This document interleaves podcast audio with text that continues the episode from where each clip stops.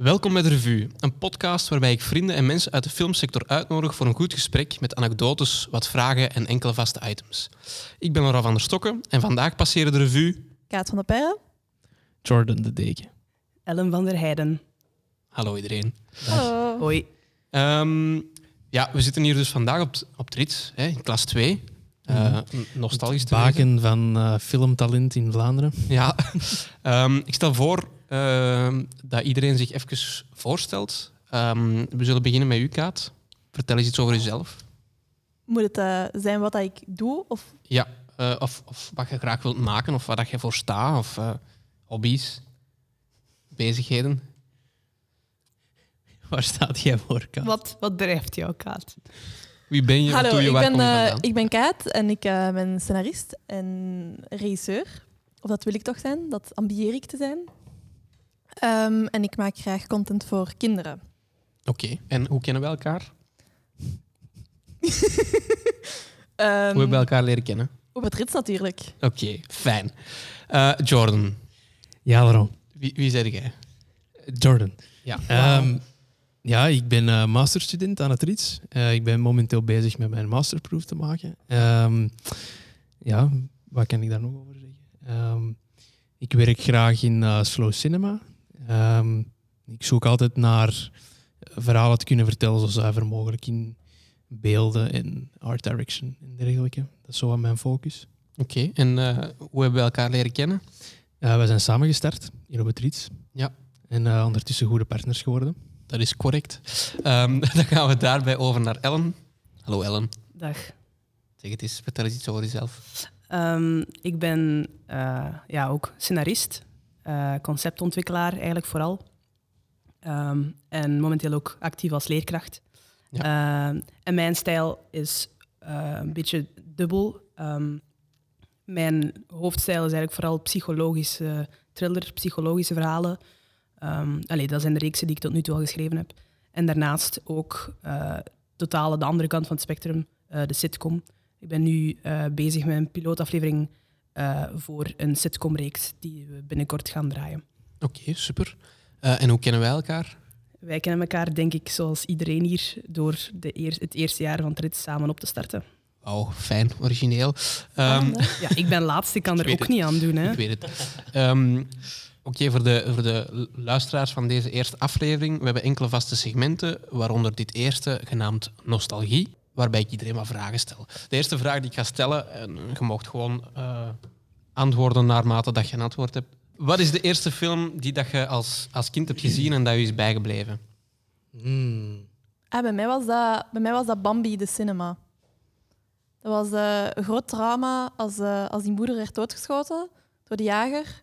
Dat je dan als kind dat moet, moet doorhebben. En dan, dan, ja, dat, dat is mij bijgebleven, omdat het gewoon zo chockerend was. Ik heb Bambi nog nooit gezien. Mijn oh my god, god. Ellen. Het enige dat ik weet is dat dat ding doodgaat in het midden. Dat is het De enige mama. dat ik weet. Oh, dat is echt, dat is echt zielig. Dat is Maar echt ik ben wenen. er, on the plus side, ik ben er dus nog niet door Oké, getraumatiseerd. dat is goed. Het feit dat ik dat nu weet, verandert wel iets aan onze verhouding. Oh, maar Disney-films, gelijk, je moet mij niks van Disney-films vragen. Ik heb misschien één op de vier Disney-films gezien. Mijn maar de basics god. hebben het toch gecoverd? Zo, uw Mulan, uw Nee, Her- maar Mulan heb ik drie jaar geleden voor het eerst gezien. Hunchback of the Notre Dame. Hunchback heb ik gezien, maar gelijk bijvoorbeeld ja, Sneeuwwitje en zo heb ik gezien. Maar zo de, de, de klassiekers, like Beauty and the Beast en zo, nee. Alleen maar, maar Pocahontas. Nee. jij zingt toch ook veel? Dus, en, bedoel, Ja, maar een, een ding aan ja, de Disney's, de liedjes, hè, de musicals. Ik ken iets van Frozen, maar... eh Mm, daar komen nee. we later op terug. Oké. Ehm, Jordan, heb jij... Ja, voor mij was dat Toy Story. Ik heb, ik- dat is niet per se mijn eerste film, maar ik heb die eh, echt een miljoen keer gezien. Zo tot op het punt dat ik s ochtends extra vroeg opstond om die dan een hele dag back-to-back gewoon opnieuw te kijken. 1, 2, en dan kwam 3 uit en dan was dat 1, 2, 3. Nee, sorry, dat is niet waar. 1 en 2. En tot op het punt dat eh, mijn ouders ja, zoiets hadden van... We gaan een Mist tv in een andere kamer zetten. maar dus ja, dat mij het meeste aansprak daaraan, denk ik. ehm, ja, gewoon een beetje zo die kinderlijke fantasie van speelgoed komt tot leven. Dat is iets wat je, eh, als je als kind met je speelgoed speelt, dan, dan beeld je dat ook wel een beetje in. En dat vertaalt zich misschien ook wel een beetje. Eh, toen der tijd, dan eh, maakte ik zelf ook filmpjes met mijn Lego-popjes en dergelijke. Ook een beetje inbeeldend dat zij eh, figuurtjes waren die tot leven kwamen. En ik denk dat dat ook misschien zelfs al ergens aan de basis lag van ja, mijn wens om, om zelf films te maken. Het is grappig, want ik heb eigenlijk... Mijn eerste cinema-herinnering is, eh, is Toy Story 2. Ja. Dat ik met mijn papa ben gaan zien. Waarschijnlijk in het Frans, maar dat, daar ben ik niet meer zeker van. Maar ehm, wij, zijn, wij zijn op een, een derde van die film buiten moeten gaan. Omdat daar... eh, ik weet, niet, ik weet niet wat voor scène dat daar... Ik heb hem niet meer teruggezien sinds toen. Iets eng. Er, er gebeurt iets eng. Ik, heb- ik herinner me beelden van, van speelgoed dat in een vuilbak valt en weet ik veel wat. Ah ja, ik herinner me welke scène Ja, dat dat is. en volgens Ja, ja, mij ben ik daar met mijn pa toen buiten gegaan, voor een of andere reden. Ja, dat is zo, zo het moment dat ze bijna worden verwoest. Zo. Dat, dat, komt, dat moment komt nog eens terug in de derde, maar in de Hmm. tweede is dat ook. Ja, ja, ja. Met, met een slechterik Zurg. Zorg. Ja, Ja, met oh, Zurg. my, die was eng. Maar eigenlijk was was dat... Zurk was eigenlijk een Darth Vader-parodie. Ja. maar toen had ik dat natuurlijk nog niet Ah. door. Hè. Maar Ja. er is ook zo'n scène dat hij zo lachend tegen Bus zegt... Ja, ja, echt super grappig. Ja. Ja, dat heb je gemist, Laurent. Nog Ja. iets dat ik mis aan zo die heel vroegere cartoons en waar ik absoluut fan van was, en dat was het stukje dat ik nog het meeste speelde, was als de credits begonnen, dan had je nog bloopers. Oh, Maar- ja. die animatiebloopers. Voilà, maar als kind, ja, ik bedoel, je speelt opnieuw, oh, grappig, ze botsen er iets tegenaan. Maar als je daar nu later over terugdenkt, ik bedoel, bloopers in een animatiefilm Ja. makes no sense. Inderdaad, ze, ja. ze maakten dat expres natuurlijk voor, voor nog zo'n visual Oh, gag te hebben op het einde. En hoeveel tijd dat En- daarin gekropen moet zijn. Dat is Ja. iets dat ik nu zo hard mis, want dat ziet je echt niet meer. Dat is waar. Maar over het laatst, bij de, bij de Wreck-It Ralph hebben ze het wel gedaan. Hè? Omdat ze Ja? zo, Ah, ja. zo wat de, de, de tour worden opgaan van de superhero movies. Dat ze op het einde van de credits nog een, Een eh, post. een, een post toonden. Ja. En dat was zo een meme dat ze hadden geanimeerd met Ah. Wreck-It Ralph. Dat was wel nog Hmm. goed. Ja, maar voilà, dus dat is... eh, ja, eh, meta. Pixar, listen up. Ellen, wat was uw, ehm, uw eerste film dat je gezien hebt en dat bijgebleven is? Goh. Ik, eh, ja, ik herinner mij zoiets vaag. Eh, allee, ik heb hem achteraf al nog opgezocht, dus ik weet wel dat hij bestaat. Maar dat was zo'n DreamWorks-film en dat had iets met Atlantis te maken. Dat was zo een kerel die zo, met zo'n bril, zo'n blonde kerel met een bril die zo Atlantis... Ik denk dat de film ook Atlantis de Ja, verzonken ja, stad of is dat niet van Disney? Dat is van Disney. Ja. Ah, het kan zijn Ja. zelfs. Ja, dat is een ja. 1 op 4 Disney-film dat je dan hebt gezien. dat, En dan waarschijnlijk. ook zo, zo de die is super random. Laurent Ja. die zelf nog niet gezien. Maar ik, ik, ik weet niet hoe dat, dat komt, maar ik herinner mij dat ik in de cinemazaal zat en naar die film keek. Ik weet niet waarover dat die film gaat. Ik weet niet wat er daarin gebeurt. Ik weet ook niet hoe oud ik was of wanneer dat die in de cinema was. Maar ik herinner mij dat ik die in de cinema gezien heb. Ja. Dat was zo mijn eerste film dat ik mij herinner. En dan ehm, de, eerste, de eerste film dat ik mij herinner die wel echt een impact op mij had, was ehm, Child's Play. Eh, de, de Chucky-films. Chucky, ja. Ja, ik herinner mij dat ik, dat, ik denk dat mijn broer of zo die is had opgezet, of dat ik die eens op tv had gezien, wat die eens werd uitgezonden ergens. Ehm, en like 100% for real, maar ik heb een heel grote fobie voor gelijk zo poppen en, en animatronics en zo. Gelijk in Disneyland, zo van die, als je zo die Pirates of the Caribbean hebt, zo die dark ride. Mm. Eh, ik ben daar- ik, ik heel grote angst voor zo animatiedingen en van die, van die poppen die bewegen. Zo wat de Uncanny Valley. ja. Ja, een Canny Valley dingen. Maar En, de, de Small World moet echt een Ja. hel zijn voor u. en wel, maar Small World valt ergens nog mee, omdat die niet zo menselijk zijn. Ah, ja. Die zijn minder... Allee, die zijn, dat zijn gewoon... Allee, don't get me wrong, als ik daarin vast zou zitten en het licht zou uitvallen en ik hoor enkel dat en ik zie die poppen daar, gelijk, ah, ik zou Ik doodgaan. denk hè. dat iedereen dat zou Ja, hebben. dat wel. Maar bij Small World heb ik het minder. Maar dus, allee, ik, heb, ik heb enorm, zodat als je zo van die humanoid dingen hebt, gelijk zo, nu die robots en zo ook, eh, heb ik daar een enorm eng gevoel bij. En ik denk dat dat komt omdat die Chucky-film mij een beetje getraumatiseerd heeft op heel jonge leeftijd. Ik weet niet hoe oud ik was. Maar, eh, maar het was een van de, la- allee, het was niet zo, het was een van de latere films dat hij echt zo al zo die littekens en zo heeft. Ja. En eh, ja, dat was redelijk traumatiserend voor, als jonge telg. Oké. Mogen wij de vraag ook aan u stellen, Laurent? Ja, wel. Ja. Eh, wel, maar u, u had Toy Story 2, dus zoals ik zei. Dat is zo hetgeen dat het meest van, van cinema cinema is bijgebleven. Ehm, en voor de rest... Goh, de eerste films dat ik me zo herinner zijn... ehm, is het Lelijke Eentje. Mm. Daar, kon ik als Van kind echt Disney over blijten. Ja, van, Ja, ja, ja. Zo Is dat die, shorts van? Disney. Ja. Ja, ja, Ik heb die onlangs nog eens Oh, teruggezien Ja. eh, in de context van, van mijn film waar ik dan aan werk. En Ja. eh, dat is... eh, ja, ik weet niet, dat is, dat is zoiets in de, de early days van, van Disney, waar dat je tegenwoordig ook nog wel terugziet in zo in kortfilms dat zij steunen. Mhm.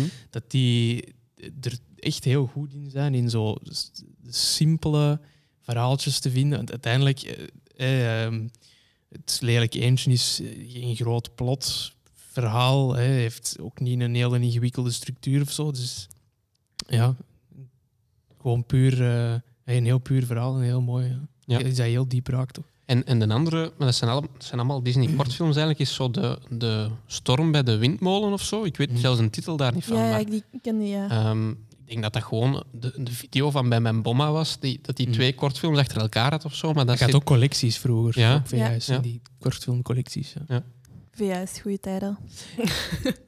Taran in de toverketel. Oh, die heb ik ook eh, veel gezien. Echt super enge film eigenlijk. Dat is, was want dat is, is dat, was dat ook niet een heel groot probleem in de tijd met Disney? Dat dat slecht een opbrengst had? Of dat Ja. door het feit dat dat zo eng was, dat dat hun echt wel wat in de problemen Mhm. had gebracht? Ja, ja, ja. Dat was echt pure nightmare Dat was fuel. verschrikkelijk. Echt niet doen. Dat skelet en zo. Ik heb die nog Nooit niet gezien, gezien, denk ik. Nee, Nee? Zelfs niet van gehoord. Ja, dat is echt zo'n hele duistere, gotische film. ja, het gaat zo over de middeleeuwen ook. En Ja, er je- gaan dus echt hebt- mensen in dood. En het is, Ja, ja, het ja. is echt, echt, echt griezelig. Het, het is eigenlijk een duistere heer, hè, een soort van vampier, skeletachtig figuur, die eh, met zijn duister leger de wereld wil overnemen of zo. En dat Mhm. gaat dan over een, een klein boerenjongetje en zijn varkentje. En eh, het varkentje heeft magische voorspellende krachten. En dus de duistere heer kidnapt het varkentje Oh. voor die speciale krachten, hè, om zijn ondergang te kunnen vermijden. En dan Is zo dat een varken? terecht. Want ik zie nu... Nee, hier is een varken. Dit Ah, oké. Want dat, dat, wat is dat ander beest dat daar Dat is zo'n sprekende hond dat er zo Ah, ja. bij Ja, komt. En die helpt hem dan. Oké. Samson. Het is, het is precies Peter Ja. Pan meets Alice in Wonderland. Zo qua... Niet Samson. Meets Samson, Samson. ja. Ja. eigenlijk wel. Ja. Ja. Klinkt wel als een heel goede film. Ja. Maar welk jaar is die? Van eh, 1900. 1985. En dat samen met Merlijn de Tovenaar. Maar is dat ook niet dezelfde periode van Disney van Merlijn de Tovenaar? dat zo? zou wel goed kunnen. Ja. Eh, ik weet niet welke vragen dat er nog komen, maar misschien, ik wou deze vraag misschien ook nog wat opentrekken of zo. Ja. Naar zo de, nu hebben we het zo wat gehad over de eerste film dat we herinneren, maar zo Ellen zei net interessant van, ah, dat is een film dat impact had. Mhm. Dus vroeg ik me ook af, van, we kunnen de vraag misschien wat opentrekken naar de eerste meer kwalitatieve film. Ja. Die eh, zo echt een impact op heeft. En dat mag dan bijvoorbeeld op latere leeftijd zijn of zo. Ik weet niet of je daar al van plan was. Nou, dus die vraag stond erbij, maar Ja, bij deze is nee, het al dan laat ik het daar nu over. Ja, Nee, nee, maar voilà, de- bij deze, de ja, vraag begin van maar, Jordan. Jordan. Ja, ja nice. ik was nog iets aan het bedenken. Ah, Ehm, ik stel voor dat iemand anders eerst is. ik heb een rare eigenlijk. Ehm, verbaast me niks. ehm, het is- het is eigenlijk ook nog wel als kind, maar die wel ergens een impact heeft gehad, ehm, is Looney Tunes Back in Action. Het is een, een, een film waarbij dat, eh, live action en animatie Mm, gecombineerd. Space ja, Jam. Space Ja. Jam, ja. Ja. Ehm, maar die hadden een heel uitgebreide ehm, behind-the-scenes segment op hun dvd. En, en, en daar heb ik zo eh, als, als kind heel veel naar gekeken. Gewoon, allee, ik weet niet, dat is wel dezelfde periode ehm, als dat mijn, mijn eh, uitgebreide interesse voor film is gekomen of zo. Ik Mm. weet het niet. Maar ik kan me herinneren dat ik die behind-the-scenes echt kapot heb gekeken eh, op, op alle vlakken. Ja. Eh, Puur om inspiratie te halen of gewoon dat eh, ja, jeugdelijke, wonderlijk. maar dat was zo de eerste keer dat het filmproces zo werd uitgelegd of zo Ja, voor mij. ja. Eh, dat is zo'n eerste aanzet. En ook mee, dat wat, gaat dat, miniaturen en, en bepaalde stunts dat gedaan werden. En gewoon ook het concept van animatie met live action. Wat dat voor mij op die leeftijd toen nog. Mm. eh, Over wat voor leeftijd spreken we dan? Goh, ik, wanneer is. Kaatje, wil jij eens opzoeken wanneer het in is uitgekomen? Kaat is onze Google-man eh, van vandaag. Voilà. Ja, ik was het ook al aan het opzoeken. Eh, ja, we willen deze stilte met een Die is jingle. Nee, ehm, uitgekomen in 2003. voilà. Dus van die periode. Dus ik was toen acht. Ja, ah, oké, ja, dat is al wel vroeg. Voilà. Dat, dat, was, dat was iets dat ik nog kwijt wou. Hè. Ik zal, ik zal, eh, ik zal next gaan. Ehm, ja, ik vind van zodra, allez, even om te schetsen, maar van zodra dat ik eigenlijk begonnen ben met zo deftig te beginnen eh, schrijven voor films en zo. eh, allez, ik ben begonnen, ik heb mijn allereerste script geschreven toen ik ja, 13 was. Eh, maar dus ik ben pas deftig tussen aanhalingstekens beginnen schrijven toen ik gelijk 16 was. Dus toen ik ja, 16, 17, dus ik ben op de rits begonnen was. Ehm, en daarna zijn er eigenlijk heel weinig films die voor mij echt nog een impact hebben gemaakt. Ik weet dat dat wat raar klinkt, maar ik denk dat Gulder daar misschien alle drie ook wel een beetje in kunt meegaan, dat wij op een heel andere manier naar films kijken dan andere mensen. Mm. Eh, als, ik- als ik in de, naar het cinema ga met vrienden van mij, er zijn heel weinig films waar ik echt emotioneel veel, in opga. Ja. En ook gewoon waar ik ook heel positief over ben. Want ik begin, als iemand dan aan mij Direct vraagt achteraf, voilà, Ja, je begint dan onmiddellijk te zeggen van ja, gauw maar dat verhaal. En dan die een beat het midden was zo wat minder en dat zat niet zo goed. En hier zat Mhm. een plot gat. En, en dus er zijn heel weinig films die voor mij op dat punt zo nog echt binnenkomen, denk ik. Omdat ik, je, kijkt daar veel afstandelijker naar. Je kijkt naar cinematografie, je kijkt Mhm. naar beelden. Uh, Ja. Maar er was één film nu, en allee, ik denk dat je misschien ook allemaal daar wel akkoord mee gaat gaan, dat echt mij nog recentelijk echt upgefuckt heeft. En recentelijk, ja, het was denk ik vijf jaar geleden, maar dat was Gravity.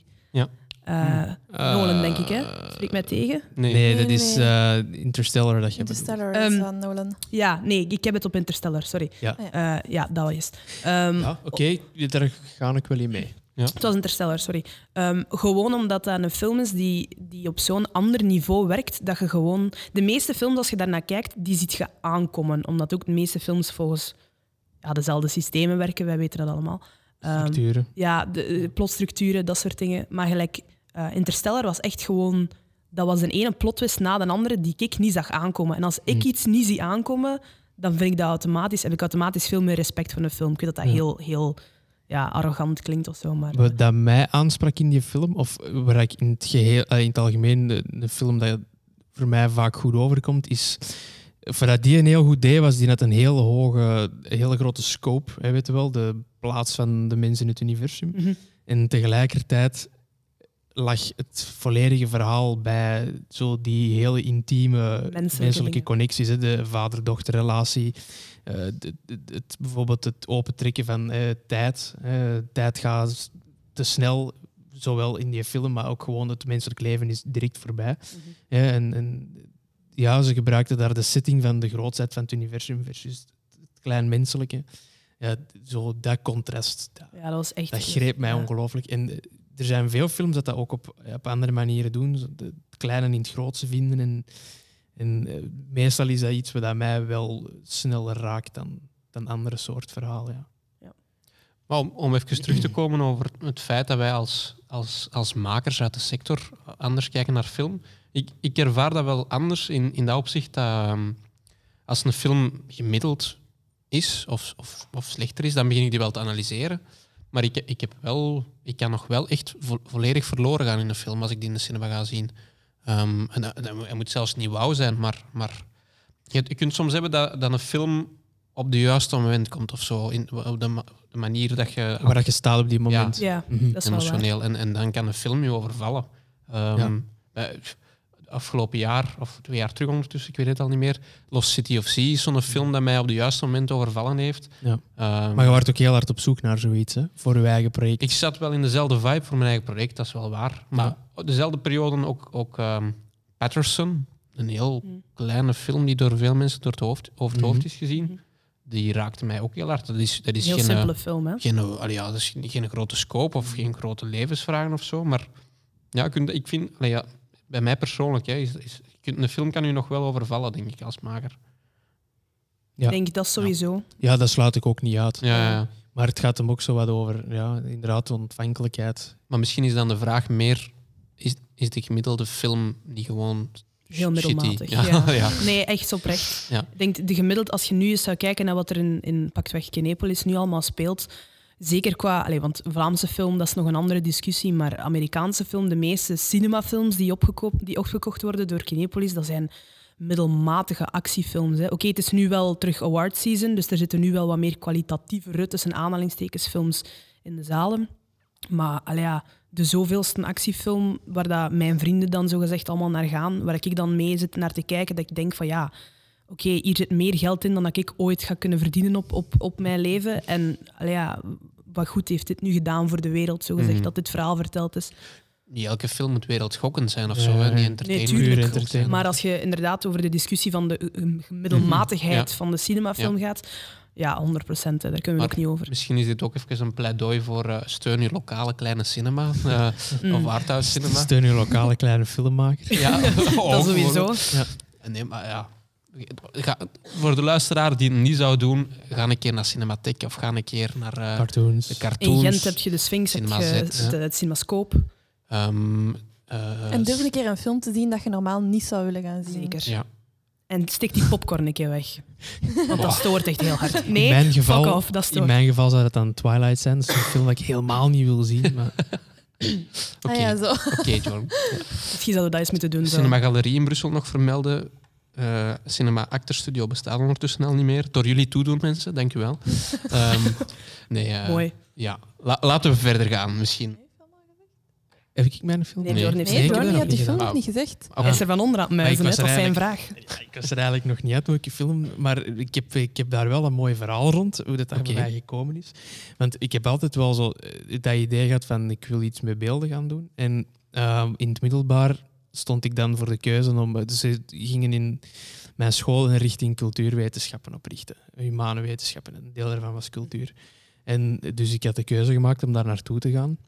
En ik had daar een fantastische docent, die dat, ehm, om- omdat we ook met kleine klasgroepen zaten, eh, die kwam zelf uit de kunstsector, maar dan als schilder, of ja, vrij kunstenaar in feite.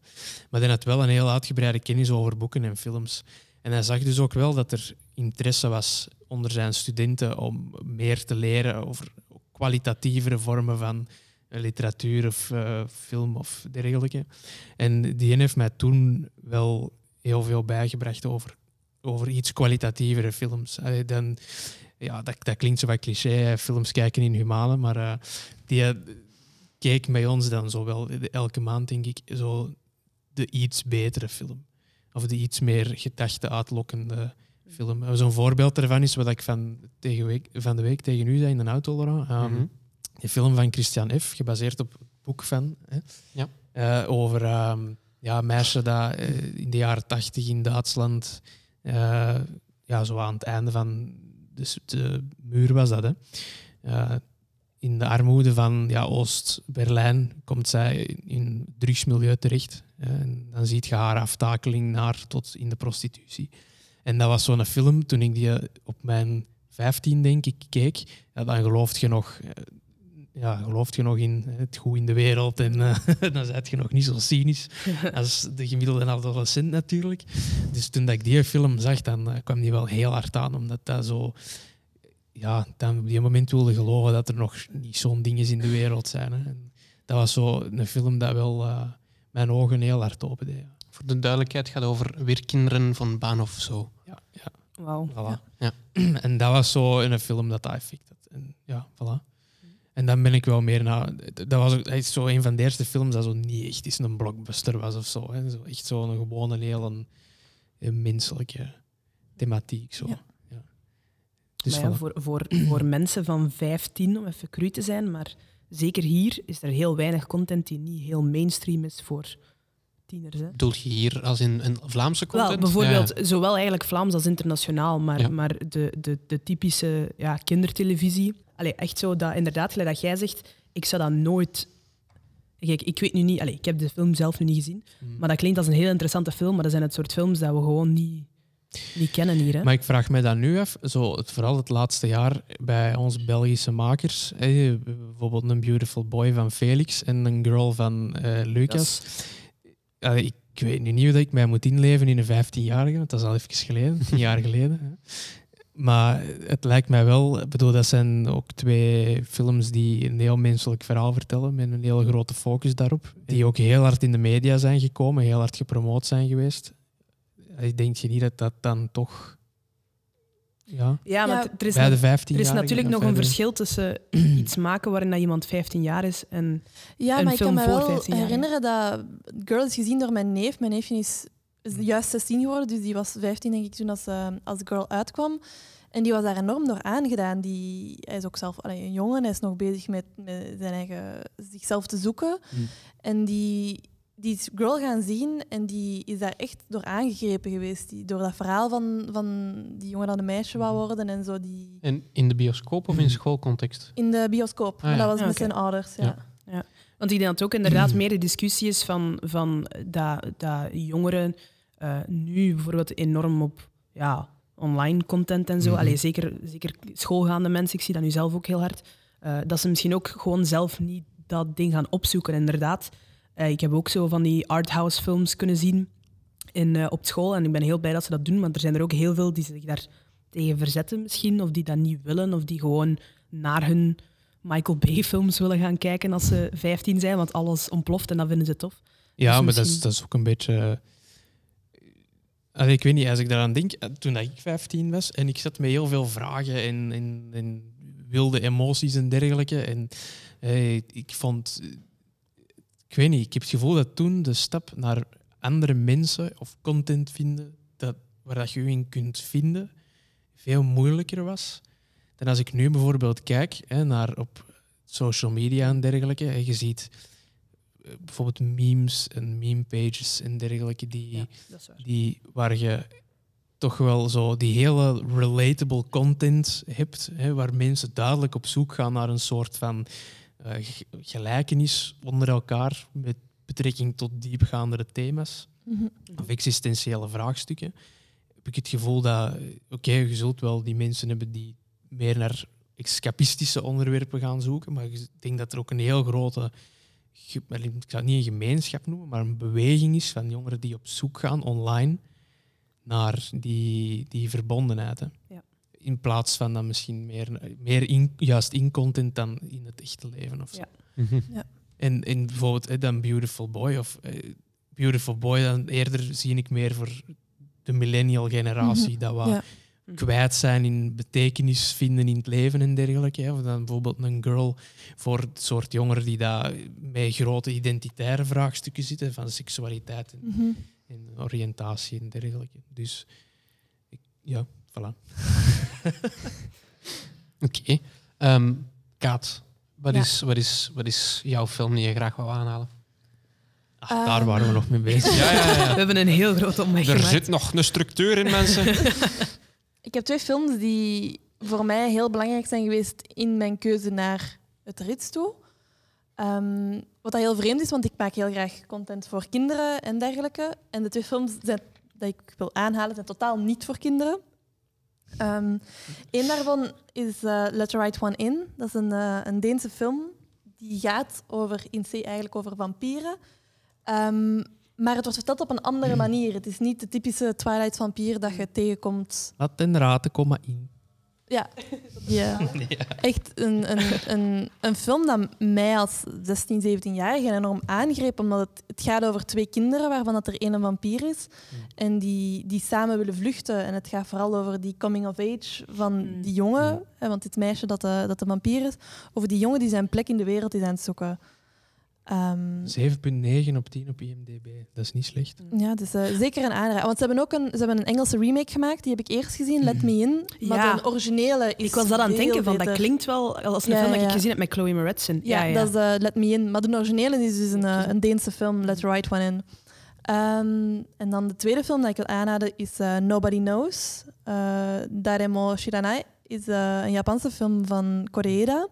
Die al veel films op steller heeft staan. Die, zijn nieuwste film, Shoplifters, is nu ook genomineerd voor een Oscar. Mhm. Ehm, maar ik vond Nobody Knows heel aangrijpend, omdat het, is een, een heel simpel begin. Het is heel documentaire stijl ook gedraaid. En het gaat over vier kinderen die alleen worden achtergelaten ehm, door hun moeder. En ze moeten gewoon zelf overleven, een jaar lang. En ik vind, allee, als je wat meer van het buitenlandse cinema wilt zien, is Nobody Knows zeker een aanrader. Ja. Ik kan me ook herinneren dat je doorheen het rits, en voor die, voor die eh, zes jaar dat we elkaar nu al kennen, Mhm. dat je die film wel veel gereferenced hebt. Niet zozeer in je eigen films, maar, maar ehm, ik weet niet. Ik, ik kan me herinneren dat je die veel ter sprake hebt gebracht wel in de, in de Ja. lessen. Ja, zeker ook omdat, Ja. dat, omdat Koreeda is een, een filmmaker die enorm wordt ondergewaardeerd. Ehm, het is nu goed dat zijn, dat zijn film Shoplifters een, een Oscar-nominatie heeft. Mhm. Omdat heel vaak als mensen denken aan Japan, denken ze aan anime en blij en, en, en Kleuren en, en en- kleuren ja. en dingen. Terwijl de Ja, film van Koreeda helemaal niet zo zijn. Hij is een van die filmmakers die heel goed de, de problematieken, Ja, of problema, topics uit hun cultuur weet voor te brengen. Ja. voor mij is dat ook een heel grote inspiratie. Mhm. Coreda. Ja. Ik heb enkel, en- enkel de, de Third Murder van hem gezien. eh. ja, wat totaal uit zijn genre valt. ja, dat dus is totaal ik, ik kan niet nog het genre niet dat hem normaal maakt. denk ik, ja. Nog een hele goede Zweedse film. Eh, fucking Amal. Ja. Oh, ja. Ja, die heb ik Ja. gezien, eh, ook bij cultuurwetenschappen. Ah, voilà, ja, ik Ja, ook. voilà. ja. Van diezelfde docent. Allee, niet uw docent, maar de mijne. Ik heb die denk ik meer eh, gezien voor de content. Oei. Ja. Ken jij die, Laurent? Of moeten we Nee, even nee, schetsen? schets even. Want, En wel, eh, dat is een film, dus het speelt zich af. Je hebt een meisje in een typisch niks zeggend Zweeds landelijk dorpje. mhm. En ehm, ze zoekt ook zo haar plaats bij de andere jongeren. En zij is zo een, een eigenlijk. En dan heb je een ander meisje in het groepje. En zij is zo de, de cool it girl. En zo stilletjes aan, naarmate dat zij dichter vrienden worden, ontdekt ons hoofdpersonage dat ze eigenlijk lesbische gevoelens heeft. En, maar het is zo, ook zo'n film, ja. Zo heel voorzichtig, heel Mhm. onschuldig, eh, heel klein. Zo, ja. Maar Ja, ook niet een- awkward. Hè? Ja, voilà, het is een coming of age Ja, op een want goede je- manier. Voilà, want je hebt ook zo films met die problematiek die zo heel awkward zijn, die ook heel stuntelig overkomen. Maar die film vond ik niet stuntelig. Mhm. Ja, ja en, ook omdat het niet zo... Ik bedoel, je zou het kunnen kaderen als een film voor, allee, of over eh, bijvoorbeeld eh lesbi-thematiek of zo. Maar eigenlijk is het dat helemaal niet, want het gaat echt gewoon over een meisje die daar haar plaats binnen haar wereld zoekt. Hè, of die... Ze rebelleert dan ook op den duur tegen haar ouders en dergelijke. En het gaat zo over die, ja, die wilde tienerhormonen en dergelijke. Het gaat meer daarover dan, dan natuurlijk over het feit van... En, en daarom, omdat dat zo subtiel is, eh, komt dat ook zo mooi over. Ja. Ja. Ja, het is inderdaad, als je bijvoorbeeld Lady Bird of zo graag hebt gezien, dan is Fucking Em All wel een goede Mhm. film die al wat ouder is, maar die wel over hetzelfde thema ook gaat. Ik vond Lady Bird, maar dat was ook zo'n film dat voor mij op het juiste moment of zo kwam. Daar, daar heb ik best ook wel van genoten. Voor, voor het regiedebuut te zijn van, van, Frans, van eh, ik wil zeggen Frances A. van eh, Greta Gerwig, denk ik. Eh, ik check het even. Is dat Greta Gerwig? Ik heb Ja, Lady Greta Bird nog niet gezien, maar ga, zit daar ook een aan. Het gaat niet over, over die lesbi-thematiek, maar het is wel echt een coming over of een age. meisje en- dat vrijheid zoekt. ja, Ja. eigenlijk wel. En hoe dat clasht met haar ouders en van Ja. school wilt veranderen. Ja. En- Oké. Het is ook wel heel goed dat we dat soort films met meer die coming of age en die ontwikkeling van die adolescentie wel enorm in, in, in schoolverband soms ook. eh Allee, bijvoorbeeld, ik herinner mij dat wij in school ook naar eh, Bridget Terabithia hebben Ja. gekeken. En dat is ook weer een van die films die mij zo hard geraakt heeft. Dat was ook voordat ik echt begon allee, met, met echt zo mee in, in film te draaien en zo. Mhm. Ehm, en dan zeker dat einde. Ja, ik bedoel, ik ga, ik ga het nu niet per se spoileren, Ja, maar we weten, allemaal, een, eh, we weten allemaal wat, wat we denken. ja. Maar ehm, ja, Bridget Terabithia is ook zo'n heel ehm, natuurlijke film. Die, allee, het, is, het is een fantastische film in de zin van dat het heel fantasierijk is. Eh, het gaat ook over een fantasiewereld die dat ze bouwen met twee. Maar dan komt er ook nog zeker die hoofdlijn van de realiteit. En de realiteit is niet de wereld die zij bouwen. En ik vind dat dat in, enorm mooi inspeelt op elkaar. Mhm. En goed dat we dat soort films hebben in, in die fases, omdat dat inderdaad, gelijk dat we nu aan het rondkijken zijn, allee, dat zijn films die wel impact hebben op u als, als kind, als jongere, en dat die wel helpen om, om u, u, uw weg te gaan zoeken. Ik weet ook nog van, van buiten dat ik dat als, als kind toen een, een mooie film vond. Dat was zo, dat was zo het eerste filmcrushje dat ik had op, eh, op, op het meisje. En Sophia Robb, Ja. ja. Ja. Maar dat was ook Wie- ja, dat was zo wat een, een, een stoerdere en daar zat zo wat karakter in. Ja. Dat was, Omdat je heel vaak zo, als, als, als wij jong waren, dan kwamen de films uit gelijk Oh. Mean Girls. En, Hij heeft de foto opgezocht. ehm, ja, foto, eh, films gelijk eh, Mean Girls en waar dat de meisjes Mm. zo allemaal super meisjesachtig waren. Heel dat- idealistisch. ja, voilà. In Bridget Terabithia was dat een meisje met karakter. Dat had wat Mhm. meer achter, dat had ook Er zat ook een, broek, zat, achter. zat een broek aan. Ik weet Ja. dat dat heel Broekpak. stom is. Hè? Ja, maar zo inderdaad Ja. zo...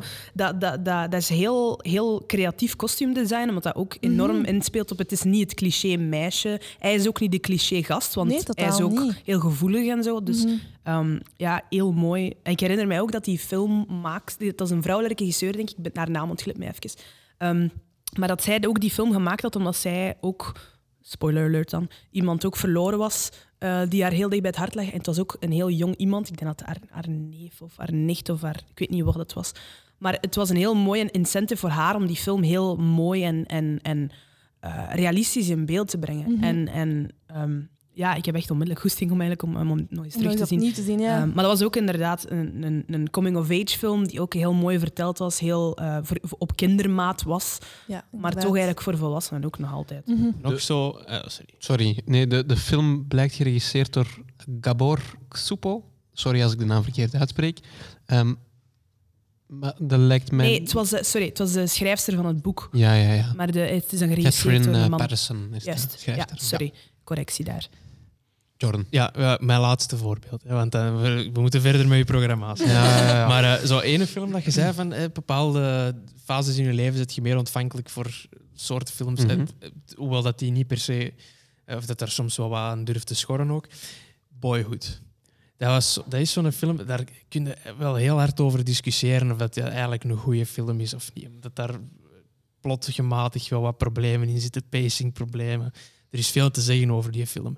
Maar die kwam voor mij zo net op een timing dat ik eigenlijk naar de hogeschool ging gaan. En dat tijd was om de nest te verlaten. En eh, mijn ouders waren ook, denk ik, net gescheiden of net uit elkaar gegaan. En dat zijn ook thema's die terugkwamen in die film. En dat was dus zo'n moment waar dat... Ik heb die dan ook samen met mijn moeder gekeken. En wij hadden toen nog niet echt kunnen praten over bijvoorbeeld die scheiding of het feit dat ik uit het huis ging trekken en dergelijke. En toen zagen we die film. En dat was bijvoorbeeld zo'n moment, weet je wel, waar je jezelf zo hard ziet in die film. En dan heeft dat bij ons ook na- natuurlijk die discussie wat opengetrokken na die film. Maar dat is bijvoorbeeld zo een, ja, daar valt veel over te zeggen. Maar ja, als het u op het juiste moment raakt, dan is dat soms ook genoeg, inderdaad. Maar ik ben enorm geraakt geweest door Perks of Being a Wallflower. Mm. Omdat ik denk heel veel mensen die in de filmwereld zitten wel een moment hebben gehad Emma een, Watson? Ja, die zo, dat je het gevoel hebt dat je echt een buitenbeentje bent en op zoek bent naar, naar connectie met mensen. En ik heb bij die film voor de eerste keer het besef gehad dat ik niet alleen was in de wereld. Hoe dat ik mij voelde. En buiten, allee, dat was in het middelbaar ook dat ik die heb gezien. En ik heb toen, ik heb die gezien het moment dat ik in het vijfde middelbaar zat, dat ik mij niet goed voelde op mijn school en in mijn klas. En ik heb eigenlijk na het zien van die film er ook over met, mijn moeder kunnen over praten, over het feit dat ik wou veranderen van school en dat ik die, dat ik verandering wou, dat het niet meer oké was hoe dat ik mij voelde op school als buitenbeentje en daar niet thuis hoorde. Maar die film wist wel een beetje dat gevoel te sussen of zo. Ja, die, die, nee, niet de zussen, die, liet, die maakten het gevoel bespreekbaar Ja, ja, ja. dat ik, dat ik had. Wat ik mij nu afvraag, hè, want dat zijn precies films die voor ons wel zo op de momenten gekomen zijn wanneer we het nodig hadden, dan vraag ik mij nu af of dat hè, bijvoorbeeld onze jongere generatie nu, of dat die dan terug op zoek gaan naar zo'n films. Of dat die nieuwe Of films dat die ook hun eigen Ja. films hebben. Ik denk dat die hun eigen, ik denk dat die hun, hei- hun eigen dingen hebben zelfs. Want van tegenwoordig is het ook bijna niet meer films hè, voor die generatie. Als Ja. ik even heel generaliserend mag zijn, gelijk dat je daarnet zelf aanhaalde, de memes, online content, Ja, ik denk dat mensen daar... Want ook vroeger, allee, toen, dat wij, toen dat wij op die leeftijd zaten, van die cruciale leeftijd van 13, 14, wat was dat, 2008, 2009, Mm. toen was Facebook bij ons nog maar net een ding. We hadden zo de netlogs en de MSN's, Mhm. maar dat, is nooit, dat, is, dat was niet zo verbindend als dat, dat nu is. Nu kun je Mhm. elke seconde met iedereen praten en... Mhm. en dat, ik denk dat dat gevoel heel anders ligt. Ik denk niet dat wij dat ons misschien zelfs kunnen inbeelden hoe dat, dat is. Mhm. En bij ons is dat... Allee, wij zitten met een kloof van vijf jaar. Ehm, en ik heb al het gevoel dat ik zeker... Allee, ik kom nu heel hard in contact met mensen van, van... Ik ging zeggen van middelbare leeftijd, maar dat klopt niet. van leeftijd uit het middelbaar. Dus. Ja. En ja, die mensen die hebben ook... Ja, tieners, ga je ze zeggen. Ja. En ja, die, allee, je hebt er sowieso wel die op zoek gaan naar die Perks of Being a Wallflower en die zo naar Toch, die films. ja. En ik denk als je hun die vraag stelt van wie, allee, of wat zijn de films die op je impact gaan hebben, wat dat trouwens een goed idee is, ik ga dat morgen eens doen, want ik ben wel benieuwd. Ehm, ik denk dat die wel een antwoord gaan hebben, maar ik denk ook vooral dat die misschien meer gaan zeggen van oh, ik kijk Mhm. niet naar films, of die gaan meer misschien de webreeksen aanhalen, of de online content, Ja. of de sociale media, of de Mhm. Mhm. vloggers. Of, omdat vloggen is ook eigenlijk een soort film, maar dat is met personages die menselijk zijn, die heel dicht bij u staan, die heel touchable zijn. Ehm, dus ik Ja. denk dat dat een andere manier Versus is. fictie. Ja. Ja. Ja, ja. Degenen die dan nu nog fictie opzoeken, dat zijn zo de born in the wrong Ah, wel. generation mensen, maar dan Ik, van de ik, film. ik denk oprecht van wel. Dat is jammer, hè? Want ik zeg het, daar zit, daar zit nog geen tien jaar tussen. Hè? Tussen on- ons en hun, zo gezegd. Maar Ja. ja. Ja. het gaat rap. Oké, Ehm, de volgende vraag is, is de ideale vraag voor nog wat ehm, filmtitels te name droppen. Eh, ja, Shout-out. Ik ga die over film, hè, mannetjes. Ehm, wat, wat is de laatste film dat jullie gezien hebben? Mortal Engines. Oké, shoot. Wat vond je van Mortal Engines? ik voelde mij precies terug zo in de early 2000s. Zo, zo waar, waar, toen dat films zo nog unapologetically gewoon badass en groot en stoer en eh, niet per se goed moesten zijn. Mhm. En dat was ook wat die film was. Groot, stoer, Ja. maar niet per se goed. Hè. beetje Hunger Games-achtig. Allee, Hunger Games. Allee, wel nog Hunger goed, Games maar- heeft wel nog een Maar het zit zo wel wat in dezelfde sfeer, hè? Ja. Hier waren er wel zo'n paar dingen waar... eh, Want het, gaat natuurlijk, het is natuurlijk zo wat maatschappijkritiek, opengetrokken en soms waren er wel wat oogrollende dingen bij. Het was, Van, het was, Engeland gaat het oosten koloniseren, wow. ik, ik vond het eh, zo'n... eh, het was... Hoe lang duurt de film? Twee uur pakt ongeveer. Ja. Het was zo een twee uur lang durende concept art reel. Zo. Eigenlijk. Mm, dat je van, Ik voor VFX-artists of zo. Ja, nee, of gewoon ook qua, qua dat steampunky design. Ik vond allee, Dieselpunk trouwens. dieselpunk. Ja. Wa- Was het dieselpunk? Ja, het was Dieselpunk. Ja. Ja, ja, ja. Ah, ja. Ik kan me, nee, ja, het oké. Dieselpunk dan. Ehm, ehm, eh, ja, nee, wat wou ik zeggen? Ja, de, de- ik vond de wereld goed. En, en Mm. Allee, interessant design van, van Mm. kleren en van, van kostuums en, en decors enzovoort. Maar, maar het verhaal, ja... Als je het mij It nu vraagt, ik herinner het mij niet meer exact. Ja. Eh, Buiten dat ze veel gelopen en in een richting zijn uitgereden. Ja, en, en het, ja, het was een beetje Mad Max, maar dan Ja, wel bigger ja. and better. Ja, ja. Ja, Ik denk dat, dat ik Ja. ben die met Kaat gaan zien. Ik denk dat ik het hetzelfde heb aangehaald. Ja, inderdaad. maar- Ja, ja, Het enigste verhaal wat dat zo voorbij wat potentiële tot of een hint naar emotionele diepgang was de relatie tussen die robot, En de robot zombie en het hoofdpersonage. Ja. maar dat viel dan weer heel erg uiteen in van Hmm. die situaties. Gelijk, ja, wat zegt ze daar dan zo? Oh, I think she sees, he sees himself in them. En, en dan heb je die Zo robot zo. zingerdik op. It eh, has no heart. I have no heart. En dan valt hij dan valt hij helemaal Maar wat dat mij wel heel hard stoorde aan die film is, is de audiopostproductie. Er is, zeker in de openingsscène, eh, op een gegeven moment zijn ze op de, de brug van Londen aan het besturen en dan komt een burgemeester, of whatever de fuck dat dan was, binnen. En die is zo hard gedubt, eh, Ah. allee, echt Mm. heel blatant. En dan zijn er nog zo scènes waar dat er zo, dat de dat je zo scènes. een over the shoulder ziet. En dat je het hoofdpersonage zijn mond zo nog half van, vanuit de Mm. hoek ziet bewegen en dat er zo geen stem is of omgekeerd. Oh, maar dat gebeurt vaak hè, in films. Ja, maar hier was het echt heel blatant. Ja, het was echt... Ik herinner me nog dat Laurent zo wat nudgede en zoiets had van... Heb je dat nu ook gehoord? Allee, Ja. Als je zoiets gaat zeggen in ja, de cinema... want zo klink dan, ik, eh, ja. Mooie imitatie Ja, daar. Ja. Fijn. Maar dus, is wat ik dus daarnet zei, inderdaad, van, van het feit dat je dus niet meer naar films kunt kijken, het zijn dat soort kleine dingen die dat gewoon heel vaak meer opvallen, denk Ja, ik. daar ben ik wel akkoord. Ja. Ja. Ja, ja, mhm. Jan Modaal zal het niet gezien hebben. Nee, voilà. Jan met de pet. Ja. Maar Slow weet Joe in de Vooral, vooral audio-postproductie hoor ik ook heel vaak eh, in films en tv en ik stoor me daar heel hard aan. Ja. Wat- Had je mij nu die vraag overmorgen gesteld, dan had ik Battle Angel Alita kunnen zeggen. En dan hadden we nog interessant kunnen praten over adaptaties van Mm. Oost- Aziatische media. Ja. We zullen dat voor de volgende keer houden. Hè? Voilà. Ja. Ehm, Kaat, wat is de laatste film dat jij gezien hebt? Wel zeg het mij eens, want ik weet het niet meer. Eh, is het een film dat wij samen hebben gezien? Waarschijnlijk wel. Eh, ik, nee, mijn laatste film is No, no Country for Old Men. Ehm, en dan de laatste is ook Mortal Engines eigenlijk. Ja, dat zou wel goed kunnen. Daartussen hebben we Maniac gezien, maar dat is tv. Ja, maar Ja. Maniac... Ik Eh, vind, tv, dat, nee, is niet waar. tv mogen we tv ik halen. vind wij dat aan. Maniac ook wel eens een serie is dat mag aangehaald worden, omdat die serie zo wat is verdwenen in het niks. Die is heel even gehyped geweest op, op eh, Netflix. Mhm. En daarna is die verdwenen. We hebben die nu ook maar over het laatst gezien.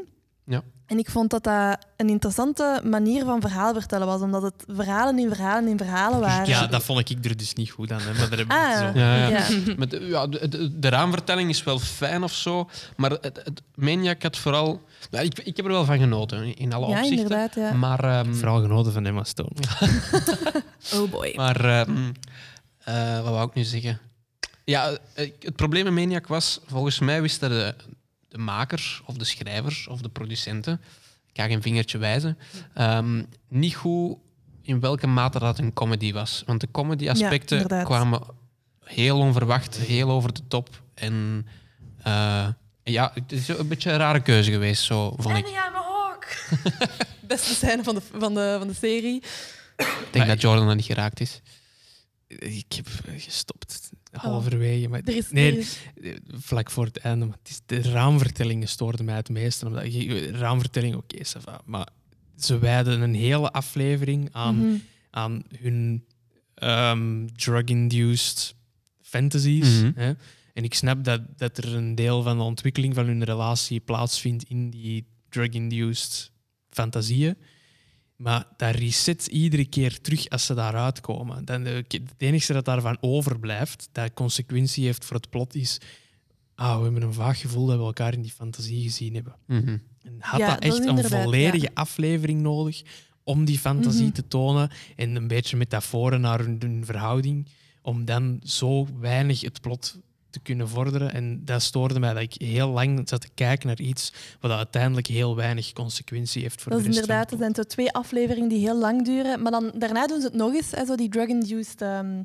verhalen. En die hebben dan wel een soort van uitleg over, over de mindset van de personages. En die Ja, zijn dan ik heb natuurlijk er ook veel misschien- sterker. Dan wel ook naar gekeken als in het feit van... Deze moet zo leuk geweest zijn om, om te maken. Van gewoon al die genres Ja. Met, met ja. die acteurs te kunnen aanhalen. Ehm, ja, en qua, qua stijl en opnieuw qua, qua art design, eh, die, die, die eh, jaren tachtig stijl, die zo wel eens blijven. Synthwave-achtig. Ja, wel, ja. Ja. Ja. Dat werkte wel goed, visueel. Ja, Synthwave is nu ook heel populair de laatste tijd weer. Dankzij Echt. dingen als Stranger Things en Ja. Ja. en dergelijke. Eh, Ellen, wat was jouw laatste Mm. film dat je gezien hebt? Wel, ik weet niet 100% of dat het telt, omdat het ook niet echt puur sang een film is. Maar ik denk de laatste film, ik kijk heel weinig naar films, ik kijk vooral eigenlijk naar tv. Nee, ja, ik bedoel, ik, ik ben een eh, televisiesnop, ik ben geen filmsnop. De laatste film die ik gezien heb was Bandersnatch, eh de Black Mirror aflevering, de Mm. interactieve aflevering. Mhm. Moet dat nog zien. Ehm, ik zal mijn best doen om niet te spoilen dan. Ja. Ehm, ik vond het eh, een, een, een goede. Ja, ik ga het nu even film noemen. Het is eigenlijk een aflevering, maar ja, zat, ik ga het even een film noemen. Maar is het een aflevering of is het... Het is een noemt- film. het- Game. officieel staat het als Een film op seizoen Netflix, 5, ja. aflevering 0. Ah, echt? Ah. Maar de- volgens IMDb is aflevering 0, maar op Netflix staat hij als film aangeduid. Het is, het is in totaal, als je hem volledig zou doen, is het een uur en een half. Mhm. Het bestand zelf is een uur en een half. Ja. Maar natuurlijk, het is ook meer... Allee, het, is, het is niet volledig een uur en een half, want je springt er natuurlijk in. Ehm, ik vond het aan zich goed dat het gebeurde. Ehm, ik vond het wel laat. Qua 2019 vind ik heel laat om met dit soort dingen af te komen, omdat wij... Allee, ik weet dat wij hier bijvoorbeeld op de Rits al vanaf ons eerste jaar over interactiviteit bezig zijn. En er is heel veel in de sector momenteel gaande over interactiviteit. Het is ook zeker niet de eerste film Mhm. die daarmee experimenteert. Ehm, het is wel de eerste keer dat het op zo'n grootschalig niveau bekeken het is en een gedaan heel wordt. populaire reeks. Voilà. Ja. Ehm, dus het is wel goed dat Black Mirror dat gedaan heeft. Het concept van Black Mirror leent zich er ook toe. En het is heel ja. mooi dat het eh, heel... Het is heel goed aangepakt in de zin dat het verhaal met die interactiviteit goed samengaat. Eh, dus het is een goede keuze dat ze daar gemaakt hebben. Is het kwalitatief? Ja. Ehm, het is vooral heel... ehm, hoe moet ik het zeggen? Er zit- kruipt heel veel tijd in. Mhm, Ik het bedoel, is niet iets wat dan nog vaker gaat gemaakt worden. Nee, het is want- een keer een one-off. Voilà, ze hebben daar twee maanden aan gedraaid. Ja. Ehm, want je moet ook constant scènes herdraaien met licht een andere dialoog. Je moet scènes herdraaien met andere, uit, allee, met andere eindes. Mhm. Ehm, dus dat is een heel, eh, een heel langdurig proces Ja. voor uiteindelijk maar een uur en een half te hebben. Ehm, en eh, dus Bandersnatch, goed dat het er is. Heel blij ook. allee, ik ben blij dat ik het gezien heb. Ehm, het interactieve was er eh, goed aan, omdat ik ga, en again, ik ga mijn best doen, maar dus ze maken het natuurlijk heel meta. Ik weet niet dat Gulder... Eh, Ja, ja, we hebben het helemaal Het is, het is heel meta en dat vond ik er goed aan. Maar ik heb dan zoiets van, als je daar dan verder in wilt gaan, want bijvoorbeeld op Netflix zelf heb je nog een aantal andere interactieve dingen. Maar dan bijvoorbeeld, hè, je hebt zo, dus, eh, ik, weet, ik weet dat het nu even een verschrikkelijk kut voorbeeld is, maar je hebt zo Minecraft Story Mode. Dat is zo'n Mhm. videogame die ook op Steam staat. Prachtig voorbeeld. Ehm, maar die staat dus ook op Netflix, omdat dat eigenlijk ook een, een, een film is die dat ja, speelt, ja. zo gezegd. Ehm, en er zit ook heel weinig game-elementen aan, dat is enkel gewoon keuzes maken.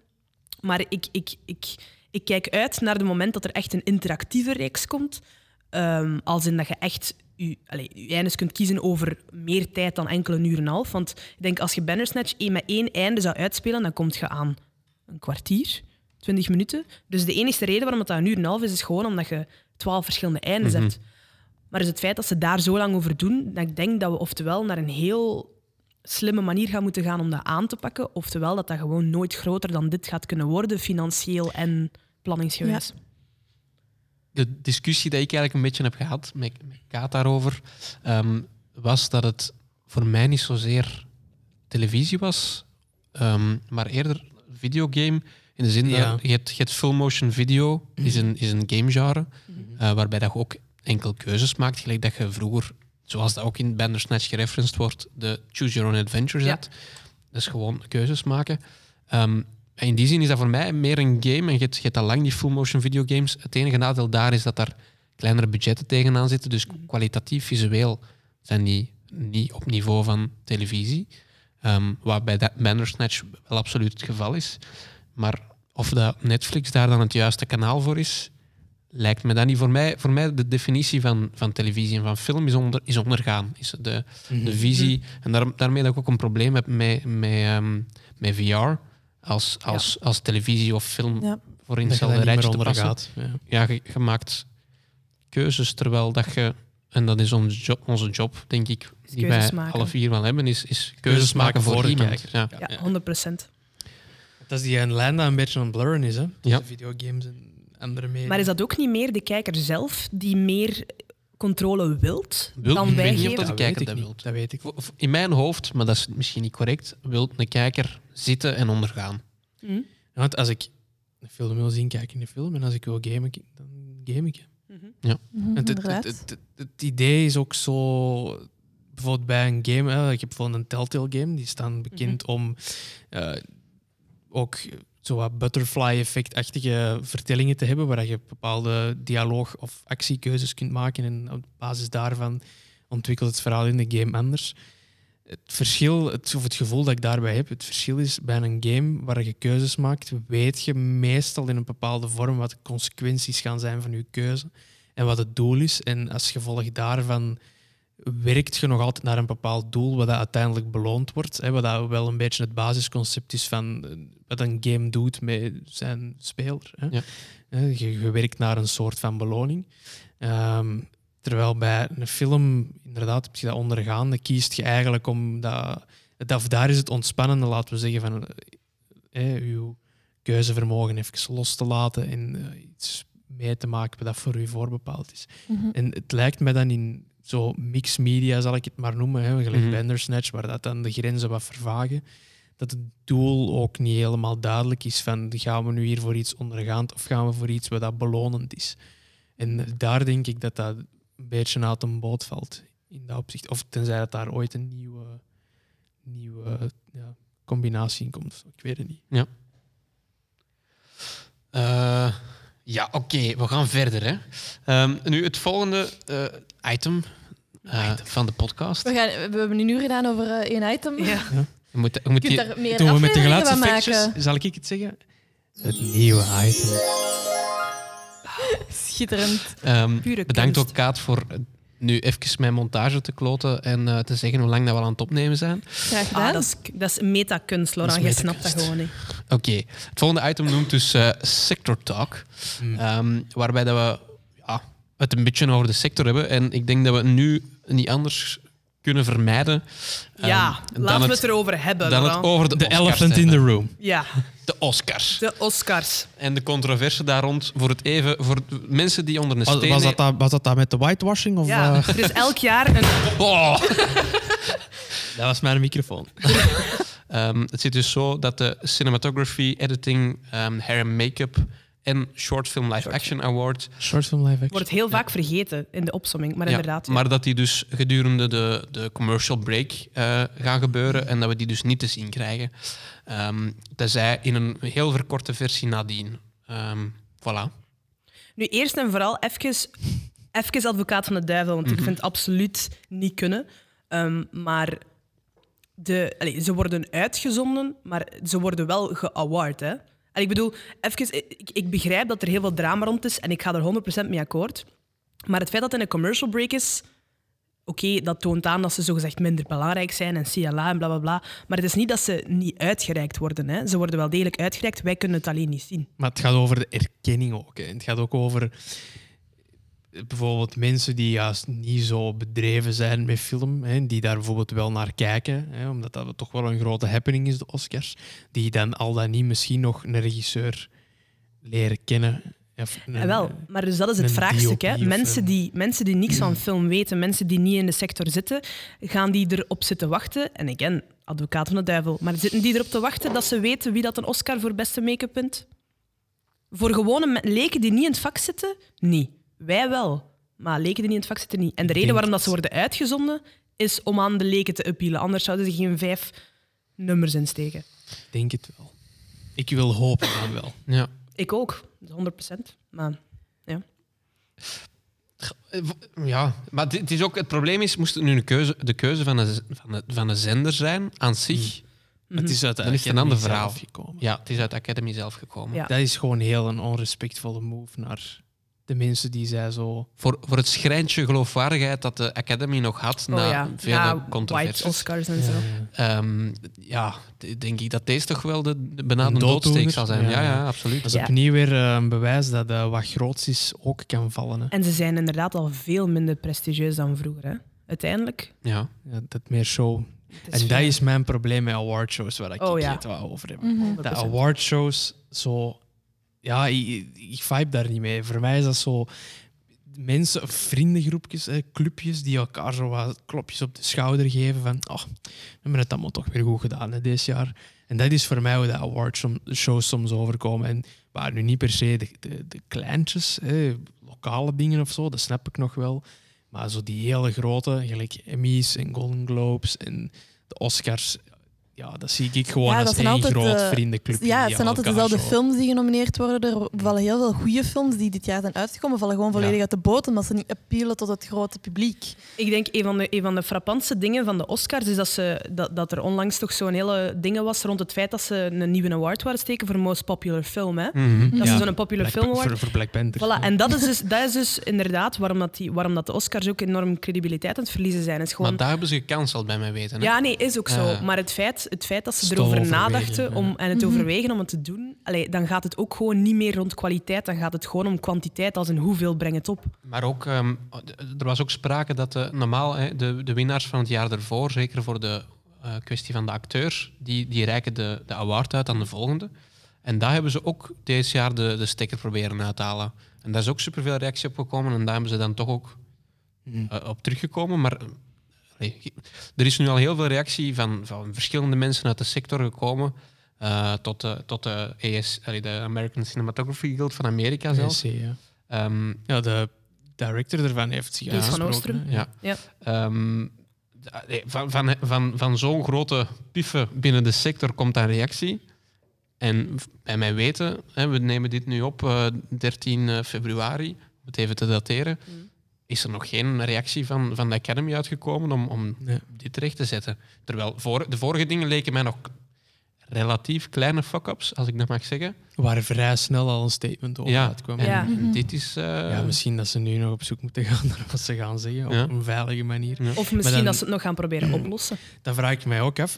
Je hebt zo bijvoorbeeld hè, eh, nu de case van Ostrum, hè, de director of de eh, American Cinematographers Guild, mhm. Hè, of eh, Society of Cinematographers, die zich dan uitspreekt over die situatie. Maar dat is wel iemand die daar hoog aangeschreven staat in de Amerikaanse filmsector. Absoluut. Ja, of laten we zeggen, misschien zelfs de internationale.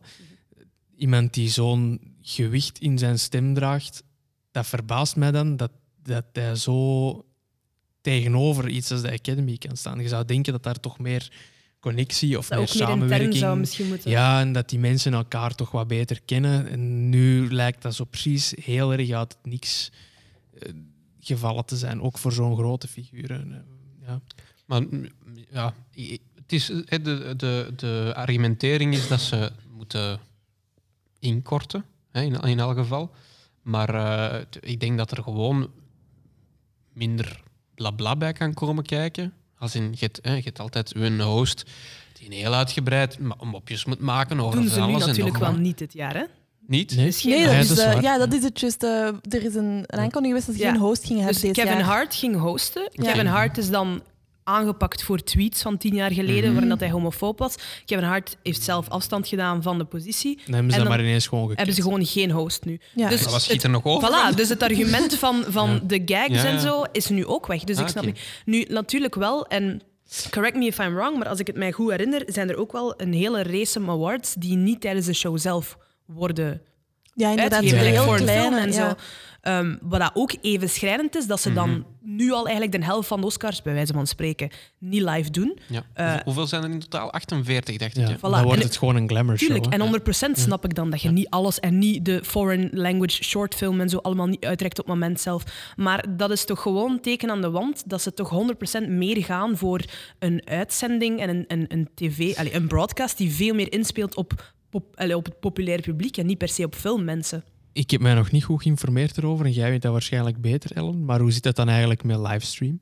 Want als het gaat over ehm, Ja, director en of, eh, sorry, cinematography en editor tijdens de commercial breaks te zitten, hoe zit het dan met de livestream? Daar wordt dat wel op uitgezonden dan? Of? Ik heb oprecht Nee, geen flauw ik denk idee. dat ik heb twee of drie jaar geleden heb ik live gekeken. En ik denk dat wij ook, Ook reclame. ook reclame krijgen tijdens de Ah. livestreams. Maar is dat, is dat, ik herinner mij, als ik meestal kijk naar de Oscars, meestal laat ik het maar uit op de red carpet, maar, eh, maar op de red carpet geven ze ook commercials in Ja, die ja, ja. livestreams. Dus ik denk Binnenkort, volgend jaar is het gewoon alleen maar een red carpet. gewoon de red carpet Meer en, receptie dan, daarna. en ze filmen zo de camera tot op het moment dat de deur dicht gaat. En dan is de livestream gedaan. En dan moet je het maar gewoon op Twitter lezen allemaal. Ja. Ja, ik bedoel, de Oscars, eh, van, van, van zover, voor zover dat een, een prestigieux, de meest prestigieuze award was die dat je als filmmaker kon krijgen, is het nu toch vooral enorm veel politiek geworden en vriendjespolitiek. Ja, en vooral ook commercialiteit. Want again, ik, ik weet nu niet van buiten wat dat, wat dat, ik weet zelfs niet wat dat gereleased is, wat dat er allemaal gaat gebeuren tijdens de Oscarshow. Maar inderdaad, ze zijn zo hard aan het inzetten op die, op die song constant. En, en altijd live performances van, van minstens twee van die vier, nummers. de vier. En wel, de dus nu gaan vier. ze ze allemaal doen. Maar dat was altijd. Ja, dat is altijd al. Ah, Er is wel, ook maar een ik bedoel- geweest dat er één iemand niet mocht. En dan hebben ze toch Ah, het is misschien, dat ik op Ja. denk. Maar, maar inderdaad, ik bedoel, het, het feit dat we dan wel voor, voor Original Song en again, om misverstanden te vermijden, dat is een belangrijke award, comp allee, composition, bla bla bla bla bla. Maar het feit dat je dan wel vier nummers kunt live brengen, waar dat dan heel wat Bataclan aan vasthangt, en niet gewoon een award dat eigenlijk aan zich een minuut duurt. Dit zijn ze, dit is hem, hier is hem, je hebt 10 seconden speech, bol het maar af. Om even kort door de bocht te gaan. Ik, ik hoop van de grond van mijn hart dat ze nog gaan veranderen. Ik weet niet van buiten wanneer de Oscars vallen, maar het is niet 24 februari, denk ik. Ah, Oké, dus, maar ze hebben nog tijd om hun dingen te veranderen. Hè. Ze kunnen nog terugkomen op hun beslissing. En ik hoop vanuit de grond van mijn hart dat ze het doen. Want al ja, de, de, de memes die nu circuleren van ja, wat zou een film zijn zonder cinematografie? Wat zou een film zijn zonder editing? Wat zou een film zijn zonder make-up? Gewoon een zwart scherm. Hè. En dat is bij iedereen zo. Hè. Dat is zowel bij acteurs zo, als bij montage, als bij regie. Dus het feit dat ze nu drie, vier categorieën gewoon zo laten vallen, is echt schrijnend. Wat ik hoop is dat de winnaars van andere categorieën dan gewoon shout-outs doen. Ja. Ook, ja. Ja. Als ze dan toch niet veranderen. Ja. Maar om je nog maar even in te beelden. Hè, eh, vorig jaar Roger Deakins, die eindelijk na, na 13 nom- nominaties, denk hè? ik, eindelijk zijn award krijgt. Stel je voor dat dat deze jaar was gebeurd. Oeh, Dan heeft hij heel zijn, heel zijn carrière uitgekeken. Wel Ja, in de mate dat die mens uitkijkt naar die Oscar. Ik denk het wel een beetje, maar dat is niet zijn ultieme doel of zo. Maar dat, dat had dan zo niet eens eh, de, de onderdeel geweest van die, van die Oscar-uitzending of zo. Dat, dat had wel absurd geweest. Dat is echt schrijnend. Oké, ik denk dat, ja, dat we daar vo- voorlopig voldoende over gezegd hebben. Ik denk dat we daar nog lang over kunnen lullen, maar eh, misschien moeten we even afwachten tegen dat deze podcast uitkomt. eh, is er misschien al iets anders gezegd door de Academy. Dus misschien moeten we daar volgende keer een keer op eh, terugblikken. Dan eh, gaan wij over naar eh, het volgende segmentje. Ah, mag ik het weer doen? Ja. Het volgende segmentje. Ik word er helemaal warm van. Schitterend. Binnenkort komen hier jingles voor, maar eh tijdelijk is Ik vind dat de jingles gewoon dat moeten zijn. Oké. Gewoon Jordan die het segmentje inspreekt. Het volgende segmentje. Het volgende segment is de spotlight. En daarbij vraag ik dus aan mijn, aan mijn gasten om ehm, iets voor te brengen. Dat kan een, een brief zijn dat ze ooit aan de Sint hebben geschreven. Dat kan een liedje zijn.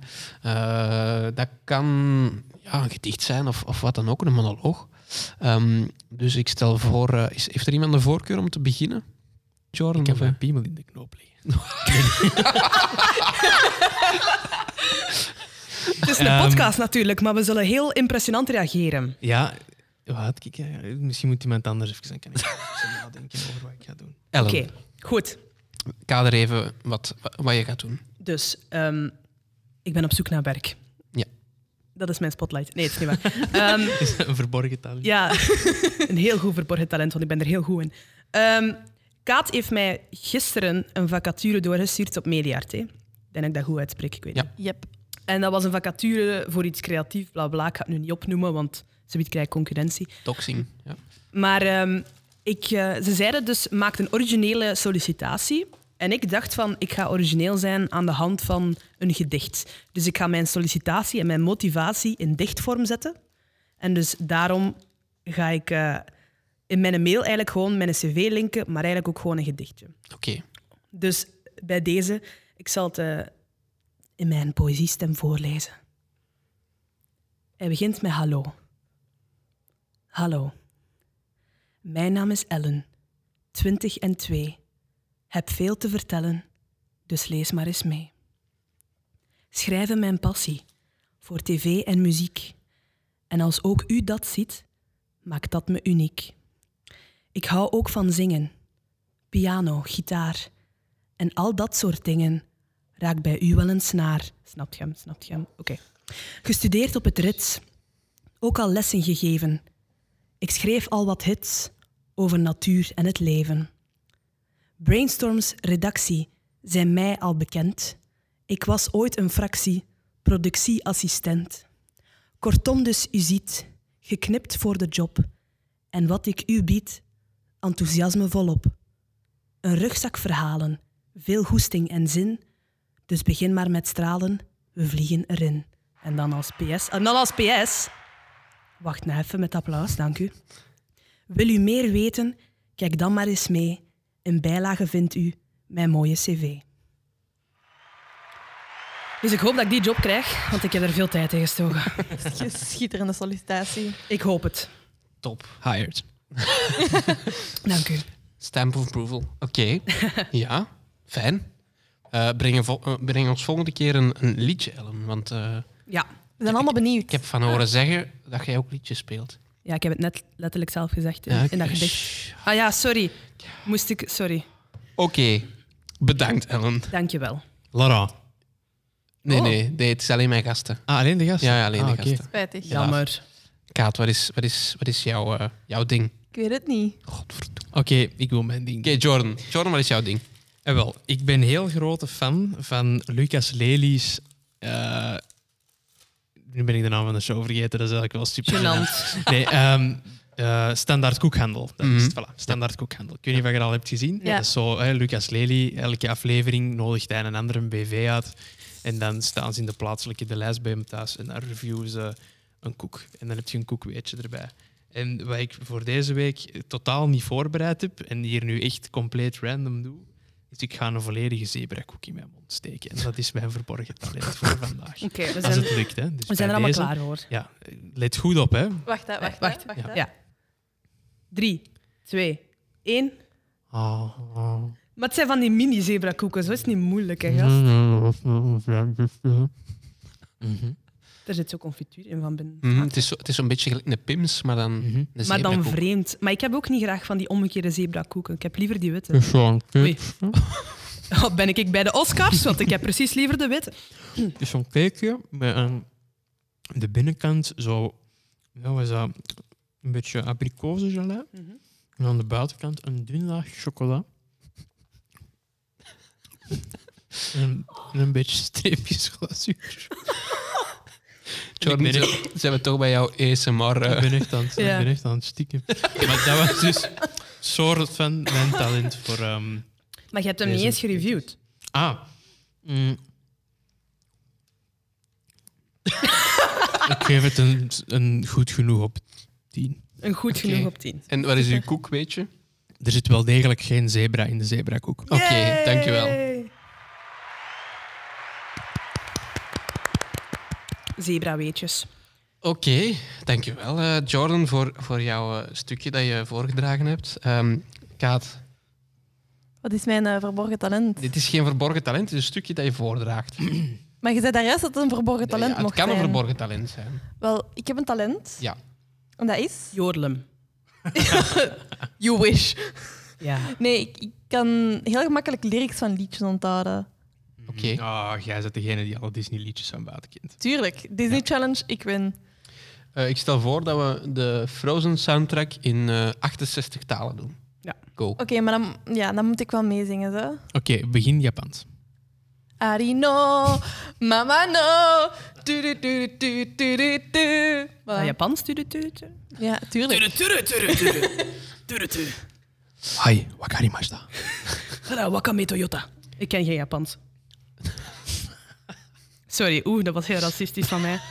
Eh, Bedankt voor jouw... Ja, eh, ik heb geen talent, sorry. Fijn. Oké, next. Ik wou dat we dit meer voorbereid hadden, jongens. Ja. Het is de eerste keer, we moeten er allemaal nog wat inkomen, Laura. Oké, eh, Jordan, doe je ding. Weer al een segment. Ik vond dat een beste tot nu toe. Ja, het volgende segment noemt het ding van de week. En ehm, daarbij brengen zowel mijn gasten als ik ehm, iets dat onze, ons deze week opgevallen is. Dat kan een weetje zijn, een artikel, een app dat we ontdekt hebben, of weet ik veel wat. Ehm, ja, wilt er iemand beginnen? Ja, voilà. Ja. We Dus, kijken allemaal hoopvol naar Jordan. aangezien we onze podcast min of meer al begonnen waren met zo eh, te praten over animatiefilms en dergelijke. Terwijl we aan het opnemen waren, is de officiële teaser-trailer voor Frozen 2 uitgekomen. Dus eh, het idee dat ik had, is dat we die misschien nu gewoon eens samen gaan bekijken. Oké. Gaan we hem bekijken en live op reageren of gaan we achteraf reageren? Ja, we gaan er live, Live op op reageren. Nu, gelijk dat we hem Of zien. gaan we het daarna Ja. bespreken? Het is gewoon... Het is Nee, gewoon we kunnen daarna ook wel even gewoon door. bespreken. Ja, ja. doorknallen Ja, en babbelen. ja. Oké. Dus we gaan hem hier nu eh, op de laptop. ik ben oprecht heel benieuwd. Het start op zwart. Heel lang zwart. We horen een storm. Oh, amai, is het donker. Spannend. Maar dat is, Het ziet er is live dat action uit. Ja, Ja. inderdaad. Amai, dat water is echt keigoed geanimeerd. Oké, Oei, dan... Elsa is kwijt. Dacht even dat het een fake trailer ging zijn. Ja. Oh nee, ze gaat de zee bevriezen. Ja, maar er is ook... Ja, wel, want er is geen... Ze heeft dat kleren al uitgedaan, we hebben lang gewacht. Ja. Ze zet zich schrap. En ze loopt de zee in Jezus gewijs. Ze gaat zo Frozone gewijs Oh ja, oh ja, zo gelijk die Incredibles. De twee vond ik een goede film. Ja, maar zwart. oh, ze is dood. From Van Disney. En ze probeert nog eens. Ah, ze is aan het trainen. Ze is zo de superheldenmontage, de Rocky-montage. Ja, ja, ja, ja. Maar de- het is gewoon het plot van Moana, of wat? Ja. Oh, en nu kleine, kleine zeemermin, dan gaat zo water opspletsen. Nee, toch Ja, niet. ja. Oh. Maar wat is aan het proberen? Ja, maar Hij Probeert probeert de oceaan zee te bevriezen, steken. I guess. Of zo van het Ah, eiland te geraken. hier hebben we onze Ze is aan uh, het frozonen. Frozone. Ah, Ja. Mozes wou ik zeggen, maar oké. Nog eens dood. Het is wel gevaarlijk bezig, zo. Ja, wel. Staat als geen redder. Deze herfst. Oh, ons Anna. Overal. Oh, Christophe. Oh, dat, dat eiland zit er ook terug bij. Is dat Nederland? Sven, ja. Nee, dat is een hert, denk ik. Ik weet niet wat. Stiff Antlers. Ah, oh. Amai, Is dat dat is nieuw? precies Brave. Ah nee, dat is dingen. Ah, ja, ik dacht ook even van, oh, wat doet die hier? Hè? Is het, Oh, is er zit muziek Ja, in. we hebben meer zingen. we hebben herfst. We hebben weer En hij komt in de herfst uit. Wauw. Ja, maar het is, er zit... Ja, Er is over nagedacht, of wat? het is, het is niet meer winter, hè. Het is herfst In nu. die Ja, ze staan heroïs te kijken naar een landschap. En nu komt de Een title blaadje. roll. Ja. Frozen 2. En wat is de subtitel? Herfsteditie. Fall is life. Niks. Ah, een post-title. Ze Oh hakken boy. Wow. Maar Anna kijk dat maar niet in eh, VR, zeg. In november, nog zo lang. Deze heeft, er trailer iemand, zei heeft er iemand niks. Olaf gezien? Nee? Nee, Olaf ja, zit er niet in. maar jawel. Waar De daar? fucking sneeman. Ik zei toch, daar een sneeman. Waar? Waar? Ja, nu als ze wil ik het daarover die zien. clip Ah ja, oké, oké. Maar op het einde kwam er niet bij. klein. Misschien is de zoektocht naar Olaf.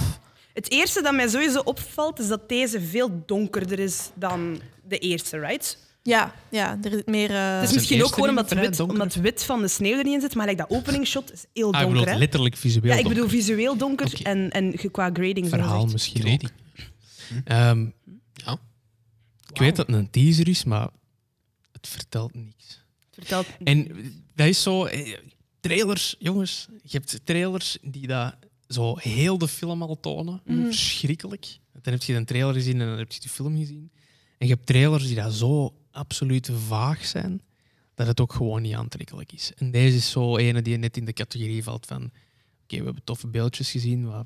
Maar ja, natuurlijk langs de andere kant, of dat Frozen 2 een trailer heeft of een teaser of whatever, Ja, Mensen gaan gaan er nog altijd, kijken, ja. gaan nog altijd een succes kijken. zijn. Dus misschien moeten ze dan niet te veel vertellen. Elsa. Maar ik ben al blij dat ze, dat ze precies... Allee, dat, so- sorry Ellen en Jordan dat mijn femi- feministisch kantje naar boven komt. Ik ben wel blij dat ze zo niet een love story voor Elsa er nu zijn aan het inschrijven. Dat weet jij niet, hè? Ik hoop echt van niet. Ja, misschien Jij, gaat ze wel haar jij een hebt lover achter. de hè? Elsa Anna fanfics nog niet gelezen, jij. Hey, dat Mijn is god, dat zijn zussen. kwalitatief. Jij weet dat niet. Ik bedoel, jij weet dat wel, maar ik bedoel. Laten we verder gaan. Frozen 2, gaan we het kijken? Ja. Ja, ik denk dat we er niet over gaan kunnen. Ik denk, als er, als er één fucking nummer in zit, gaan we dat toch overal horen. Dus Oké, bij deze. Podcast ap- approved? Nee. Podcast approved. Frozen 2. Ehm, Oké, Eh, wat, is, wat is jouw ding van de week, Ellen? eh, wel hè. Hm. Ik geef nu dus les. Ja. Ik geef les eh, in een derde graad, BSO. Dus dat zijn mensen die drie jaar schelen met mij, qua leeftijd. Ehm, waar ik heel veel van bijleer. Maar één ding, om het even... Ik, ja, ik moet het even... hoe dat je wiet moet delen op de speelplaats. Ongetwijfeld. Ehm, maar eh, allee, ik weet, ik, ik wou het een beetje terugkoppelen naar, eh, naar onze sector en naar ons ding. Dus ik heb er zo'n beetje iets op dat gedacht gekozen. Maar ehm, vorige week hebben wij samen, hadden we even een, een eh, tijd over om naar iets te kijken. En ze wilden allemaal heel graag naar Sex Education kijken op Netflix. Nu, ik heb dat zelf, ik had dat nog nooit gezien. Ik had daar heel veel dingen over gehoord. Ik weet niet of dat Gulder het al gezien heeft. Nee, nog niet. Ik Nog wil het heel graag zien. Ehm, ik vond het. En eh, ja, mijn ding van de week is dus eigenlijk dat ik, dat, dat, dat, dat ik die serie ontdekt heb tussen aanhalingstekens. Nu, ik vond hem niet goed. Allee, niet goed. Goh, Wacht, is, dat is- die, die serie noemt Letterlijk Sex Education. ja, Ja. Op Isabel Netflix. speelt erin mee. Is het, het is een Netflix original. hè? Ja. Ja, En het is een film of een reeks? een reeks. Dus het verhaal is dus, je hebt dus een jongen die, die ehm, qua seksualiteit nog... Allee, aan, allee, hij zit wat vast, want hij... wat was het? Ehm, hij, hij kan niet masturberen of zoiets, want hij, hij huilt daarvan. Of ik weet niet, het was iets in die trant. Hij, hij had daar een psychologisch probleem mee. En zijn moeder, die, hij woont alleen... Allee, ik bedoel, zijn ouders zijn gescheiden, dus hij woont alleen bij zijn moeder. En zijn moeder is sekstherapeute. Dus die is heel open over seks en over dat soort dingen. En, dus, eh, en zijn het best, contrast. en zijn beste vriend is gigantisch homo. En, en voor de rest is het... En, en het wijf, de love interest... Sorry, het wijf, de vrouw, de het meisje, de love interest... eh, lijkt keihard op Margot Robbie, by the way. Mm, Ehm, ja, ik zie het. Maar ehm, ik vond dat... Terwijl, omdat we daarnet ook het hadden over de coming-of-age dingen en zo... ehm, verschrikkelijk cliché. En het is gewoon heel jammer, omdat het een trend is dat ik de laatste tijd, allee, zeker qua tropes, zo de, de, het is echt zo'n high school drama, zo, zo de beste vriend en hij wordt gepest en je hebt dan de pestkop en de pestkop heeft een lief waar hij eigenlijk op crusht. En Ik ben hier nu zo de trailer eens aan het zien. En het, krijg er heel hard zo'nzelfde vibe van als eh, zoiets gelijk eh, The End of the Fucking World. Of Ja. zo ehm, dingen, oh, hoe noemt het weer? 13 Reasons Why. Ja. Ja. Het is echt Is het, dat. is het qua kwaliteit ook te vergelijken met 13 Het is, Reasons het is Why? vooral, en, en dat, dat was het, de reden waarom ik het mij eigenlijk er een beetje aan stoorde, is eh, ik vond het qua dialoog zo verschrikkelijk onorigineel en Hmm. bland. En gewoon allee, veel te veel expositie in dialoog. 13 Reasons. Ja, ve- veel te veel expositie. Ook veel te. Allee, dat is zo duidelijk geschreven door mensen die niet weten hoe dat kinderen praten. Gelijk dat kinderen altijd praten in one-liners. Zo. Het is echt zo dat. Zo dat typische high school, Amerikaanse high school drama, waarin al die kinderen zo. En ook, en dat was één ding dat zo unsettling was, is dat. Je hebt zo de openingsscène waarin dat hij zo met zijn beste vriend naar school fietst. En zijn beste vriend is, is heel gay. En, het is, ja, en die fietsen naar school. En dat gaat heel vaak naar zo'n een, een heel wijd trekkingshot. En die mensen, die, die gasten, die lachen. Maar zo dat typische... Ken je dat zo? Als je, als je vertrekt ergens in zo'n film, als je zo vertrekt, dan is dat zo... Haha, kom, we zijn weg. hahaha." en dat die zo lachen terwijl die uit beeld lopen.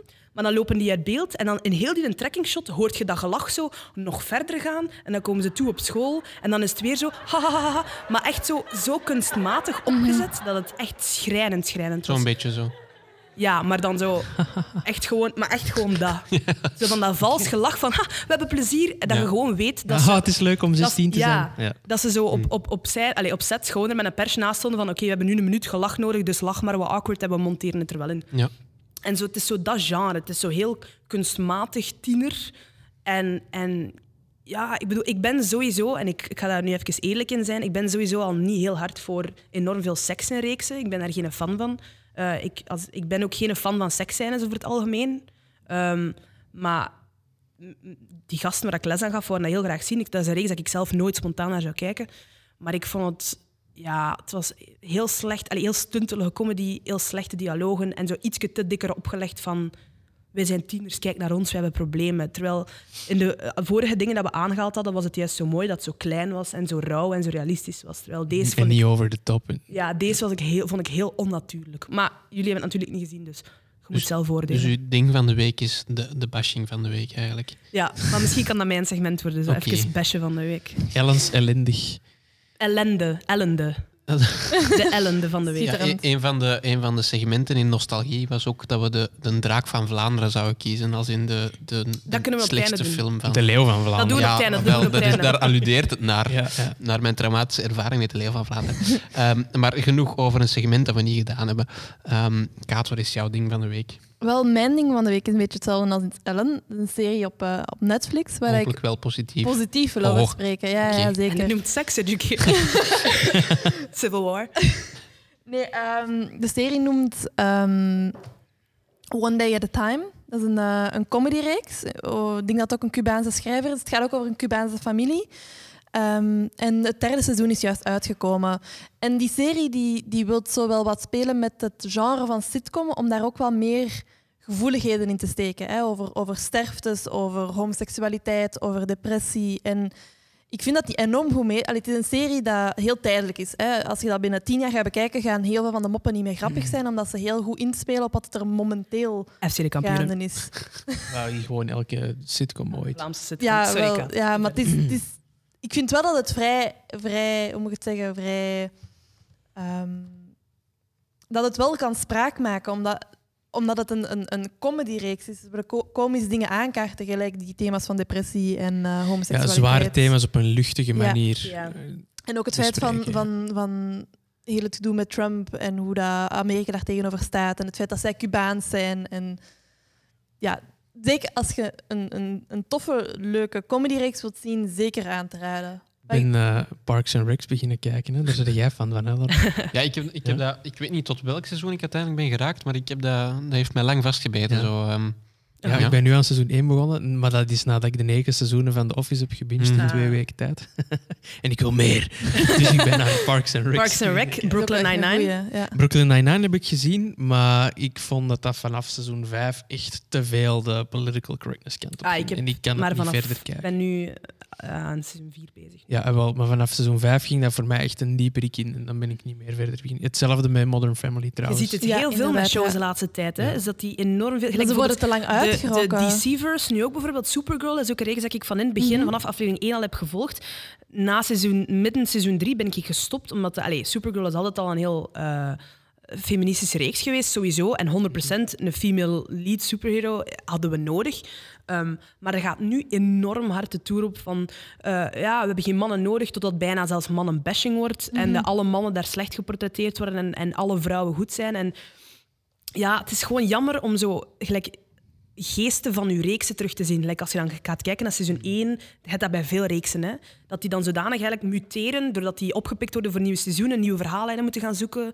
En ja, je ziet dat bij veel reeksen nu de laatste Vooral tijd. degenen die zo lang doorgaan. En Ja, dat ja, inderdaad. ver- gelijk Modern Family is er ook zo een, die nu aan zijn negende seizoen denk ik zit. Shameless trouwens ook, zit ook aan zijn negende seizoen. En dat zijn ook zo'n voorbeelden van, eh, van reeksen die ja, opeens niks meer echt te zeggen hebben. En dan maar gaan kijken naar wat er nu hot en trending is in de discussie die in de Mhm. media plaatsvindt.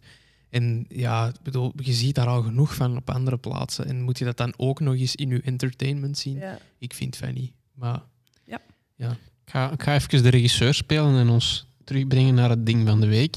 Ehm, wat, wat dat een heel po- positief item moest zijn. Sorry. Nu ontspoord is. Ik Nee, vind dat goed het is- dat we dat maar het zijn, dat we maar dat het zijn wel, het zijn wel belangrijke dingen die we nu aangehaald hebben. En misschien wel interessant ook om eh, bij een volgende aflevering nog op verder te gaan. Ehm, maar mijn ding van de week is... Ik ga het dichtje voorlezen. Nee, mijn ding van de week is... ehm zelfstandig in bijberoep of student-ondernemer zijn. Ja. Daar, Oh. daar richt ik mij meer tot, de tot, de, tot de studentluisteraars, zeker in de audiovisuele sector of, eh, allee, of studierichting, eh, of misschien in alle kunsten zelfs. Is, ehm, er, er zijn beduidend weinig studenten die, die weten van het statuut student-ondernemer. er zijn Ehm, er blijkbaar wel elk jaar meer. ja, wat, wat absoluut een goed ding is. Maar, maar het het kan inderdaad ehm, niet genoeg aangekaart worden. Is, eh, je kunt dus als student ondernemer zijn, dus zelfstandige, in bijberoep is dat in dat geval, ehm, waarbij dat je kunt bijverdienen tot een schijf van 6000 euro winst. Dus dat wil zeggen, als jij meer verdient en jij investeert in materiaal wat dat je als filmmaker, radiomaker of eender welke soort maker eh, ehm, wat dat je sowieso doet. eh, wat wou ik zeggen? Ik ben ben Dat je, dat je, als je daarin investeert, dat je dan is. meer... Ah, ja, het is, het is een Ja. super voordelig verdienen. statuut. Je moet, ehm, Je bouwt al aan je toekomst. ja, je, moet, je bouwt geen pensioen op, maar ehm, wat dat je wel opbouwt is, is dus materiaal en je moet geen kwartaalbijdrage ehm, betalen als je onder die limiet zit. Dus dat is, ja, je kunt gaan bijverdienen zonder dat je vastzit aan die, aan die standaard KVR of vrijwilligersvergoedingen. Je kunt al je eigen klanten beginnen opbouwen, je, je verkopen in de sector terwijl dat je nog studeert. Dat je niet plots in, een- in, een, in een zwart gat valt als je, Ja. als je dat vodje papier in je handen hebt. Ja, ja Ehm. voor vele studenten lijkt het wel zo alsof dat het leven een, pas begint na hun studies. En dat terwijl is eigenlijk een heel grote is. fout. Hè? Dat Ja, loopt het. Als je, loopt. allee, gewoon even, wij zitten hier alle vier, we zijn nu bijna alle vier afgestudeerd, maar eigenlijk zo goed als. Met een helft alles. Allee, ik bedoel, eh, de, de eerste tip dat ik zou geven aan filmstudenten is verwacht, allee, verwacht niet dat je op het moment dat je afstudeert en dat je diploma in je handen krijgt, dat dan de sector voor je open gaat. Hè. Je moet mensen kennen, je moet, dus pro- begint dat al in je studententijd. Leg contacten, Ja, alstublieft. want carrière anders- bouwen doet Ja. ze sowieso, maar Ja. dat is een grote stap. 100%. Maar ik raad het dus aan, aan, aan iedereen aan dat ik zie, en bij deze dat ik het ook op de podcast zeg, is van, eh, allee, informeert u daarover. Er zijn veel mensen die wat schrik hebben van die, van die eh, rompslomp aan, aan getallen en papieren, maar op zich, als je daar een keer aan zet, valt dat best mee. En er zijn altijd wel mensen die je daarbij kunnen helpen als dat nieuwe forte is. Ik heb dat nu eh, ja, vandaag ook aan, aan Jordan zelf aangeraakt, Ja, vandaar dat voilà. het mijn ding van de week is. Maar ik zeg het eigenlijk ja, te- tegen iedereen zo wat. Ik ben nu zelf al drie jaar zelfstandige, in bijberoep dan, als student-ondernemer. Wauw, dat klinkt een beetje decadent, sorry. Nee. Maar eh, Ik had drie jaar mijn eigen bedrijf. ja, ja. Nee, maar ehm, gewoon, gewoon doe, doe, doe het gewoon. Doe het gewoon, Maar- dat is mijn ding. Ja, En dan heb ik even Make een money, terugvraag. fuck bitches. ja exact. Maar eh, is, het, is het voor... Allee, ik bedoel, je moet het ook niet doen alleen maar om het te doen. Je moet dan natuurlijk wel je opdrachten doen. Want gelijk bijvoorbeeld jij, jij bent een cinematograaf, jij bent een eh, DOP, een lichtman. Jij hebt ook concreet werk. Ik Ja, als scenarist... Ik maken. als scenarist moet niet tijdens mijn studententijd student-ondernemer worden en dan geen werk hebben en dan geen winst maken. Maar je kunt u wel profileren of, of het werk dat je tussendoor krijgt, ehm, eh, kan zich wel ertoe lenen van, van te factureren. En het voordeel is, jij, omdat je geen kwartaalbijdragen of belasting moet betalen, jij kunt ook niks verdienen dat kwartaal. En dat is oké. En jij kunt dan als student een laptop aankopen eh, of software aankopen en daar een btw van terugkrijgen. Dus je hebt Ja. voordeliger Ja. uw gerief. Ja. En dan kun je daarna nog beslissen van je zaak stop te zetten op het einde van je, van je eh, schoolcarrière. Of gelijk dat ik nu eh, een, eh, een tweetal weken geleden heb gedaan, gewoon naar zelfstandig in hoofdberoep gaan en het verder zetten. En het leerde wel, het is helaas een sector waarbij dat je wel moet ondernemen en waarbij dat je wel moet eh, ja, jezelf in de kaart zetten. En eh, dat, dat allee, geeft u wel veel lessen op dat vlak van, eh, van dat te doen, denk ik. Hè? Ja. Dat is iets waar dat filmscholen in Vlaanderen nog altijd enorm op tekort schieten. Is alleen- studenten juist informeren alleen over de filmschool, alle scholen. Ja, maar zo specifiek bij ons, eh, omdat wij nu ook bijvoorbeeld qua VDAB en zo een heel andere regeling hebben, qua kunstenaarsstatuut een heel andere regeling hebben, is dat wij zijn heel weinig geïnformeerd over wat de implicaties daarvan zijn, hoe dat je dat moet doen. Dus de kont dat je afstudeert. eh, ik ben ook echt in zo'n zwart gat gevallen van ik weet niet wat ik moet doen qua VDAB, qua statuten, qua geld, qua belastingen. Dus eh, filmscholen moeten echt daarin enorm beginnen eh, investeren. Bij deze misschien ook even een shout-out naar het kunstenloket, waarbij dat je wel terecht kunt voor al uw vragen en al Ja. uw... eh, die geven ook workshops Ze geven ook workshops Ja, en lezingen ja. en dergelijke. Ja. Ja. Dus als je... Allee, please, als je in de kunstsector staat en je bent jong, doe wat moeite en informeer jezelf. Want van de school eh, uit ga je het meestal niet krijgen. Ja, je moet ook weten dat je ook niet alleen bent. Dat er wel instanties zijn, Oh, gelijk ja. het kunstloket, de auteurs. eh, Ja. Ze staan er open voor uw vragen. Bij deze. Alright. Dat was mijn ding van de week. En Dankjewel, Laurent. Ja, Ja. mooi. Ehm, dan eh, gaan wij stilletjes aan beginnen afsluiten. Ehm, maar ik zou graag nog eens horen, wat zijn de, de projecten waar jullie mee bezig zijn, die jullie nog willen promoten of wat uitleg willen overgeven? En waar kunnen mensen jullie vinden op de, op de socials, hè, want we moeten mee zijn. De socials. Ehm, ja, Kaat. Mag ik daar ook een jingletje Jordan. voor? Oké, Ja. wacht, hè, wacht. Hè. Het komt eraan. De socials. Wauw. Oké, Kaat. ehm, Oké, ehm, vertel wel, momenteel ben ik bezig met twee projecten die de meeste van mijn dagen in beslag nemen. Eén daarvan, oké, dan niet de hele dagen in beslag, maar één daarvan is, eh, is Felix en Felin. Ja. Dat wij samen met Laurent en Ellen hebben dat ingediend bij het FAF als webreeks. Ehm, dat gaat over twee tijdsreizigers eh, die avonturen hebben doorheen de tijd voor kinderen, voor op een hele leuke en speelse manier eh, geschiedenis kunnen aankaarten. Ehm, en het tweede project, waar ik nu het laatste tijd heel druk mee bezig ben, omdat die deadline er, er bijna aankomt, is een kortfilm die Anne Enna noemt. Ehm, en dat gaat over, over eigenlijk de psychische gezondheid bij kinderen. Hoe dat, het is niet specifiek bij kinderen, maar het is gewoon hoe dat mensen omgaan met het feit, hoe, met het, het Mentale gezondheid. met mentale gezondheid, met dus paniekaanvallen, u niet goed in uw vel voelen. En we willen dat op een, ik doe dat samen met Charlotte Wulf, en we willen dat graag op een, op een leuke en komische manier benaderen, waardoor dat voor kinderen ook veel hapbaarder is. Ehm, ja, daar ben ik dus eh, En, momenteel en als mee mensen bezig. iets van, jullie, eh, van u eh, willen zien, kunnen ze eh, bijvoorbeeld naar eh, Brus eh, zappen. Ja, Ehm, momenteel ben ik ook nog eh, freelance regisseur van het nieuws bij Brus, waar ik multicamera doe. Omdat ik nog altijd eh, de voor, allee, een liefde heb voor zowel fictie als non-fictie. En eh, jij bent meestal te zien op vrijdagavond, denk ik, hè? Met Nee, donderdag momenteel. Donderdagavond. Donderdag. Oké. Research. Ja. Ehm, eh, als, voor mensen die nog geïnteresseerd zijn in, ehm, in kindercontent of daarmee zouden bezig zijn, er is nu een collectief opgestart eh, en dat, Dat noemt Mackie. Ja. Dus M-A-C-K-Y, als ik mij niet Ja, vergis. klopt. Eh, dat is een initiatief van Charlotte Wulf. Ehm, en daar komt binnenkort ook wat meer informatie via onze Ja, podcast. Dat uh, lance Mackie zelf lanceert 4 maart. Ja. Dat bij onze eerste grote meet. Ehm, en vanaf dan gaat dat algemeen gelanceerd worden. Wij willen studenten aanspreken, maar ook mensen die in de wereld zijn. Vooral de makers die bezig zijn voor kinderen. Oké, merci Kaat. En eh, kunnen mensen u vinden op de socials?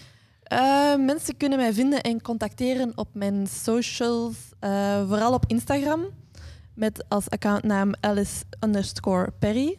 Dat is een, een, een, een, naam dat ik ooit in het middelbaar heb gebruikt en dat nu voor altijd aan mij vast Is dat een verwijzing naar Perry the, Perry the Platypus? Ja, omdat mensen mij altijd in, de, in, de, in het middelbaar, omdat ik Hmm. Kaat van de Perre heet, was dat mijn bijnaam Ah. Perry. Ah, ik had die Dus ja, dat is een naam die vastgeroet zit, omdat je die ooit hebt gekozen in het middelbaar. Wat Fijn. heel veel mensen zullen herkennen. Fijn. Oké, dankjewel Kaat. Dankjewel voor langs te komen ook. Jordan, waar, eh, waar ben jij mee bezig eh, en waar kunnen mensen jou vinden? Wel, dus verder breidend op eh, uw eh, ontdekking van de week. Hè, eh, begin ik eh, stilletjes aan met ook student-ondernemer te worden. Proficiat, Zo aan het Jordan. einde van mijn studentenperiode in feite. Het is nooit Maar, te laat. ja, maar dus, eh, en dat doe ik ook in het kader van mijn masterproof die ik momenteel aan het ontwikkelen ben. Ehm, dat is een korte fictiefilm genaamd Oldborn. Ehm, die ben ik ook samen met Laurent aan het maken. Hij is mijn eh, creative producer. En ehm, ja, wij zullen die waarschijnlijk filmen deze zomer. En eh, alle vooruitgang die wij daar momenteel aan maken, kunt je volgen op onze Instagram-page. Dat is Oldborn Film, of at Oldborn Film. En dat kunt je ook vinden op Facebook, op de Facebookpagina met dezelfde naam Oldborn Film. Oké, en eh, mensen die jou persoonlijk willen volgen? Die kunnen mij ook volgen op Facebook en Instagram, gewoon op mijn naam, Jordan de Deken. Oké, perfect. Dankjewel voor langs te komen, Jordan. Ellen, Zeer graag. waar ben jij momenteel mee bezig dat mensen kunnen zien? Eh, ik ben momenteel bezig met eh, een sitcomreeks. Dat is een Mhm. beetje mijn hoofdproject nu. Ehm, dus, een- eh, dus die sitcomreeks gaat over de irrationele veten tussen twee tankstations aan de overkant van de E40. Ehm dysfunctionele medewerkers. Het is een beetje op het gedacht van zo The Office, Parks and Rec, zo'n beetje dat soort, een beetje dat soort sitcom, single camera. Ehm, maar dus om dat verkocht te krijgen aan zenders en dergelijke, ehm, ben ik nu aan het voorbereiden om daar een pilot, dus een pilootaflevering van te draaien. Die dat ergens in mei, juni gedraaid zou worden. ehm, met, een verklein, met een verkleine cast, een, een, een kleinere aflevering, dus aflevering, nul- aflevering 0 zo gezegd. Mhm. Ehm, en dus daar ben ik nu een beetje preproductie voor aan het doen. Eh, daarnaast ben ik ook bezig met een psychologische thrillerreeks. Hybris noemt die. Die gaat over een reeks eh, schijnbaar religieuze moorden geïnspireerd op de Griekse mythologie, een Mhm. Vlaamse reeks. Ehm, waar dat dan twee ehm, heel sterke vrouwelijke personages een... eh, het woord ontglipt mij even. Dus, dus een agenten van staatsveiligheid en een procureur van Mhm. het Gentse parket eh, samen aanwerken. Eh, en hun, de, de dynamiek tussen hun. En dan daarnaast ben ik ook nu singer-songwriter. Dus ik maak zelf ook muziek. Ik heb nu recentelijk een single in het Nederlands gereleased. Wereldburger heet die. Dat is een beetje, een beetje cynischer, een beetje cabaretachtige muziek. Had gedacht van Hans Theeuwen, Urbanus, dat soort muziek. Ja. Ehm, dus daar ben ik nu ook een beetje mijn weg in aan het zoeken. En eh, kunnen mensen nu eh, uw progress, uw vooruitgangen binnen die dingen volgen op, eh, op een website of zo? Ja, ik heb een website, mooi. Uh, ellenvanderheiden.be is dat. Daarop staan mijn uh, heel veel van mijn projecten, audiovisueel en muziekgewijs. Ja.